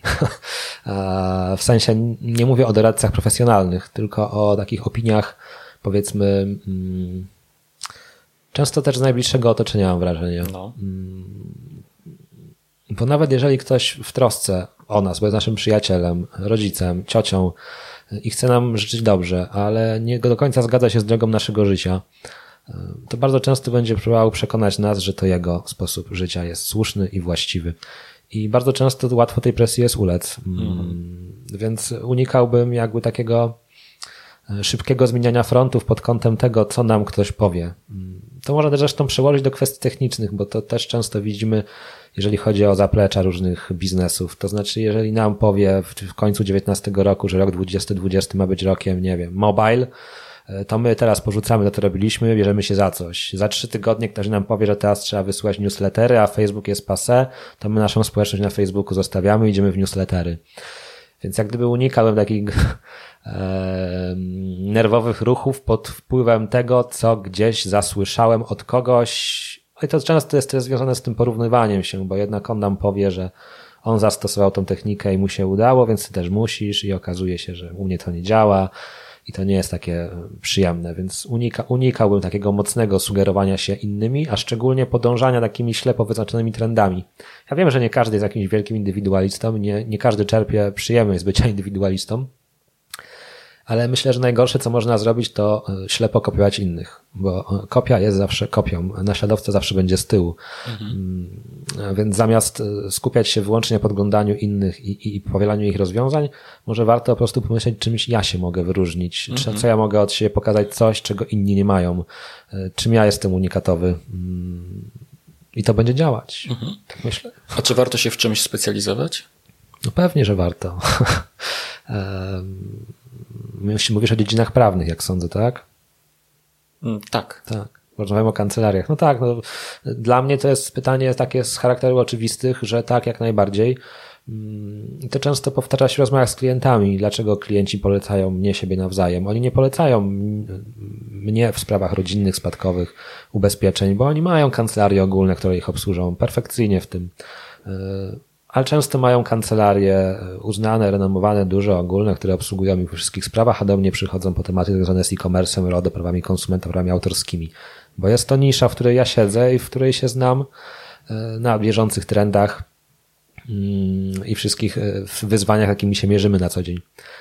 Dlaczego warto się specjalizować jeszcze? Dla mnie to jest też rachunek ekonomiczny. To znaczy, mm, jeżeli ja się na czymś znam, to przygotowanie mi opinii prawnej, e, umowy, regulaminu, cokolwiek, no, zajmuje obliczalną ilość czasu. Mhm. Jeżeli ja się na czymś nie znam, to ja wiem, że prawnik jest po to przygotowany, żeby zrobić research, mhm. przygotować. Tylko ile godzin ja to będę musiał poświęcić? Jeżeli ja znajdę klienta, który mi jest w stanie zapłacić za te godziny, no to wszystko pięknie, ale najczęściej na początku drogi zawodowej, to ja nie znajdę klienta, który zapłaci mi za każde 15 minut researchu, telefonu i maila. Mhm. Więc specjalizacja pozwala też trochę biznesowo sprawnie działać, to znaczy to jest czysty rachunek ekonomiczny. Więcej jestem w stanie zarobić, bo szybciej obsługuję klientów. Mhm. Jeżeli działam na ryczałcie na przykład też bym powiedział, to jest no, też taka, taka, taka budowanie pewności siebie. Mhm. to też zależy od typu osobowości, bo są osoby, które są pewne siebie nie mając wiedzy. E, często mam też takie przeświadczenie, że im mniejsza świadomość, tym większa pewność siebie, bo im, tak. mniej, im mniej wiesz, tym e, mniejszy masz świadomość, jak bardzo możesz komuś zaszkodzić. No, więc dla mnie specjalizacja to jest taka pewność siebie pod takim tytułem, że ja rzeczywiście, jeżeli coś mówię, to wiem, że zrobiłem wszystko, żeby się dowiedzieć i mówię to z przekonaniem, a nie po prostu dlatego, że gdzieś przeczytałem pierwszy komentarz. Tak. Także dla mnie to decyzja biznesowa stricte również, ale również jeżeli chodzi o własne poczucie wartości, bo nawet jeżeli ktoś ciągle twierdzi, że jest czymś dobry, to nie wierzę, że nie ma tych chwil, gdy kładzie się do łóżka i myślę, Boże, ale ja temu klientowi naściemniałem, ale przecież muszę z czegoś żyć. No tak, tak, taki jest model w Polsce. Tak jesteśmy przygotowani. Wszyscy radcowie mają się zajmować wszystkim. Na aplikacji mam się poznać na wszystkim. Egzamin zawodowy zdaję wszystkiego, więc każdego klienta muszę obsłużyć. No a potem się pojawiają te sprawy niezadowolonych klientów, sprawy dyscyplinarne i tak dalej, i tak dalej. Więc bez specjalizacji ani róż. Mm-hmm, mm-hmm. No dodam może jeszcze tylko to, że też jak masz specjalizację, to i Google inaczej, nie? Pozycjonuje o, no zdecydowanie. tak, więc łatwiej też jest w wyszukiwarkach, o promocję jest lepiej, o budowę też, o komunikację, o wszystko. ja myślę, że to jest w ogóle też dobry tip dla początkujących, jeżeli e, chcesz jakąś poradę dla początkujących, że dużo łatwiej jest się wypozycjonować na niszowe zagadnienie i lepiej niech przyjdzie tam to 500 osób, ale zainteresowanych tym niszowym zagadnieniem, niż przyjdzie 10 tysięcy, na zagadnienie, które każda kancelaria może obsłużyć. I jak ty masz z tą kancelarią wygrać, jeżeli jesteś e, Wojtkiem siedzącym za biurkiem w swoim pokoju? Tak. Wojtka, ty obsługujesz głównie e, przedsiębiorców? Myślę, że tak, że tak. Choć też sporo freelancerów, ale akurat yy, można powiedzieć, że oni prowadzą działalność zawodową, nie gospodarczą, więc też można powiedzieć, że są przedsiębiorcami. Nie? No w pewnym sensie tak. No. Tak, w większości tak, wiesz, no do mnie nie przychodzą osoby ze sprawami powiedzmy życiowymi, konsumenckimi. Tak. Spadek, rozwód. Nie, totalnie nie. nie Alimenty. Zupełnie nie, więc jestem wolny od tego. To są osoby, które mają problemy związane ze swoją działalnością, jeżeli nawet nie w ramach działalności gospodarczej, tak. jak zawodową. Tak, dobrze. A z jakich e, narzędzi korzystasz, które usprawniają Twoją pracę? O, znowu proste pytanie. Bez filozofii. Najważniejsze narzędzie to jest system CRM dla mnie. Ja osobiście korzystam z LifeSpace'a. Nie jest to system dedykowany do obsługi prawnej, mm, do obsługi kancelarii. Jest to system stricte sprzedażowy, gdzie posługujemy się terminem szansa sprzedaży i tak dalej. Natomiast bardzo łatwo go można dostosować pod kancelarię. A że infrastruktura jest polska i spółka jest polska i ja się tego systemu przyzwyczaiłem, to sobie z niego korzystam. Dlaczego z niego korzystam? No dlatego, że na początkowym etapie to jest łatwo pamiętać, a potem jest bardzo trudno pamiętać i z każdym kolejnym rokiem jest coraz ciężej pamiętać. Więc wiadome sprawy, organizacja klientów, projekty, historia korespondencji, zadania. Mhm. System mailingowy, to też rozmawialiśmy, do automatyzacji wysyłki maili. W Twoim przypadku to jest? MailChimp. Ja korzystam z Aha. MailChimpa, ale nie poleciłbym go już teraz, bo jest drogi. Mhm. W sensie są tańsze odpowiedniki, a u mnie to wynika z tego, że mi się już nie chce przenosić mhm. do innego dostawcy, więc sobie na nim tkwię. Mhm. Mm, tak naprawdę do pracy to są dwa systemy, które wykorzystuję. Mm, komunikator Slack, ale to jest komunikator do komunikacji wewnętrznej, choć podobno są tam fajne opcje, że można również tworzyć prywatne kanały dla klientów. Jeżeli ktoś ma stałe obsługi, to może się mu to przydaje. E, nie korzystam tam z żadnych Trello i tam różnych kanbanów i innych, bo nie mam takiej potrzeby. Często mam wrażenie, że te narzędzia e, bywają przerostem mm, formy nad treścią, czyli dłużej zajmie jego obsługa niż realna korzyść, którą z tego wyciągnę. E, a w życiu osobistym korzystam z aplikacji Way of Life, która jest aplikacją do śledzenia nawyków, w której sobie ustawiasz cele dzienne, czyli że nie wiem, codziennie chcesz wypić wody 3 litry, przejść się godzinę na spacer, poczytać książkę i tak dalej. Mhm, mhm. Mm, i chyba żadnych takich dalej narzędzi już nie stosuję. Okej, okay. dobrze. To i tak lepiej niż ja, bo ja używam tylko kalendarza papierowego. A mi się akurat papierowe nie sprawdzają, ponieważ yy, gubię to wszystko. W sensie nie mam cierpliwości pisać ręcznie. Mhm. Także akurat nie się elektronicznie sprawdza. E, co według Ciebie każdy początkujący prawnik, może nawet też nie początkujący, powinien przeczytać? Hmm. Poza komentarzem do, nie wiem, do KC. Powiem dość przewrotnie. Mm, to, co lubię, to, co go inspiruje i co mu sprawia frajdę. Bo ja mam wrażenie, że akurat prawnicy są taką grupą zawodową, która jest dość mocno obciążona. Jak już obserwuję teraz nawet sytuację studentów, to mam wrażenie, że oni już od trzeciego roku biorą bardzo dużo na siebie. Aż ich podziwiam, bo biorą dużo więcej niż my braliśmy jako studenci. I obserwuję też e, bardzo zapracowanych prawników, więc ja bym powiedział, czytajcie to, co wam sprawia radość. E, bo ja sam się zafiksowałem w pewnym momencie na tym punkcie, że czytałem albo książki prawnicze, albo jakieś tam poradniki. W pewnym momencie zdałem sobie sprawę, że to nie ma sensu, że najwięcej e, radości z pracy i inspiracji jest wtedy, kiedy otaczasz się tym, co lubisz. Więc ja bym powiedział, jak mhm. lubicie czytać Wiedźmina, to czytajcie Wiedźmina. Niech wam nie mówią, że Wiedźmin to jest fantazy, prawnik nie może, tylko musi czytać komentarz. Mhm. Jak lubicie czytać romanse, czytajcie romanse. Mhm. Generalnie czytajcie to, Mhm. co was odpręża. I w ogóle czytajcie, bo się też, to też wcale nie jest takie oczywiste. Myślę, że też fajnie kiedyś Michael Hyatt w swoim podcaście powiedział, że poradniki są fajne, ale czytanie prozy uruchamia zupełnie inne rejony w mózgu. Że czytanie wyłącznie poradników to jest w pewnym momencie zamknięcie się. A jednak czytanie prozy to jest trochę tak jak życie wiele razy. Po prostu polecam lekturę dla przyjemności. No a z takich książek branżowych czy tam marketingowych to ja szczerze mówiąc nie potrafię sobie przypomnieć żadnego tytułu, który mógłbym polecić, więc nie będę ściemniał. Dobrze, a powiedz, jakie masz marzenia? Teraz marzę przede wszystkim o tym, żeby ułożyć sobie życie osobiste, założyć rodzinę i jakoś poukładać sobie, ustabilizować to życie. Mm, I marzę o tym, że moi najbliżsi byli zdrowi. Bo potem się okazuje, że jak są zdrowi, to wszystko się układa. To są takie proste marzenia. Tak się zastanawiałem. Nie mam chyba nawet większych marzeń. Pewnie jakbyś mnie zapytał 2-3 lata temu, to bym ci powiedział, że marzę o... Pojechać do Nowego Jorku. Chociaż byłeś w Stanach Zjednoczonych. To było moje marzenie kiedyś, tak. I zrealizowałem je chyba za późno, bo jakoś nie poczułem, w tym roku byłem w Nowym Jorku, żebym, ubiegłym, ten jest mhm. krótki, żeby, żeby to było jakieś, wow, spełniłem swoje marzenie. No było fajnie, było w porządku, ale też był taki etap życia, gdzie trochę już chyba się też wartości zmieniają. I jak wróciłem z tej podróży, to sobie pomyślałem, że to była taka podróż zamykająca pewien etap, takiego młodzieńczego marzenia o podróżach i zdobywaniu świata, że w pewnym momencie samodzielne podróżowanie czy podróżowanie e, z kolegami, kumplami to nie jest e, sposób na całe życie.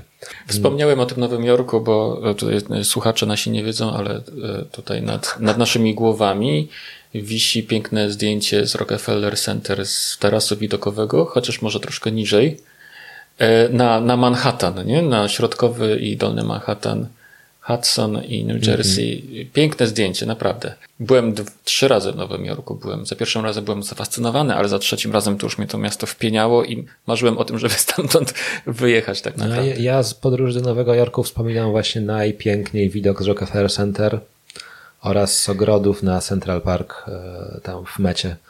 Natomiast sam Nowy Jork sam w sobie Byłeś latem czy zimą? Byłem we wrześniu. Po lecie, przed zimą, jeszcze przed jesienią też. Mnie osobiście jednak bardziej podobało się zachodnie wybrzeże w Stanach. To chyba są takie bardziej mhm. prawdziwe Stany, bo tutaj jest tak trochę europejsko. Mhm. No, a obraz sobie wisi. Tak. Wojtku, dziękuję Ci za fantastyczną rozmowę.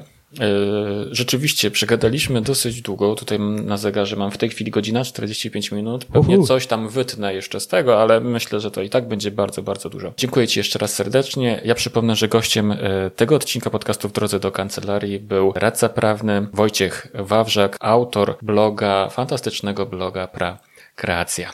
Dziękuję, Dziękuję bardzo. Cała przyjemność po mojej stronie. Dzięki. Dziękuję Ci, że posłuchałeś czy posłuchałaś kolejnego odcinka podcastu w drodze do kancelarii. Zachęcam Cię do wyrażenia swojej opinii o podcaście na urządzeniu czy aplikacji, na której słuchasz tego podcastu. E, proszę Cię także o polecenia w mediach społecznościowych, czy też wśród dobrych i najlepszych Twoich znajomych. Każde polecenie i każde dobre słowo są dla mnie na wagę złota i pomagają mi szerzyć wiedzę i doświadczenie w zakresie prowadzenia kancelarii prawnej w naszej branży. Ja osobiście słucham innych podcastów za pomocą aplikacji Podcasty w swoim iPhone'ie. Ale Ty możesz słuchać tego podcastu w różny inny sposób, także wchodząc na stronę www w drodze do kancelarii.pl.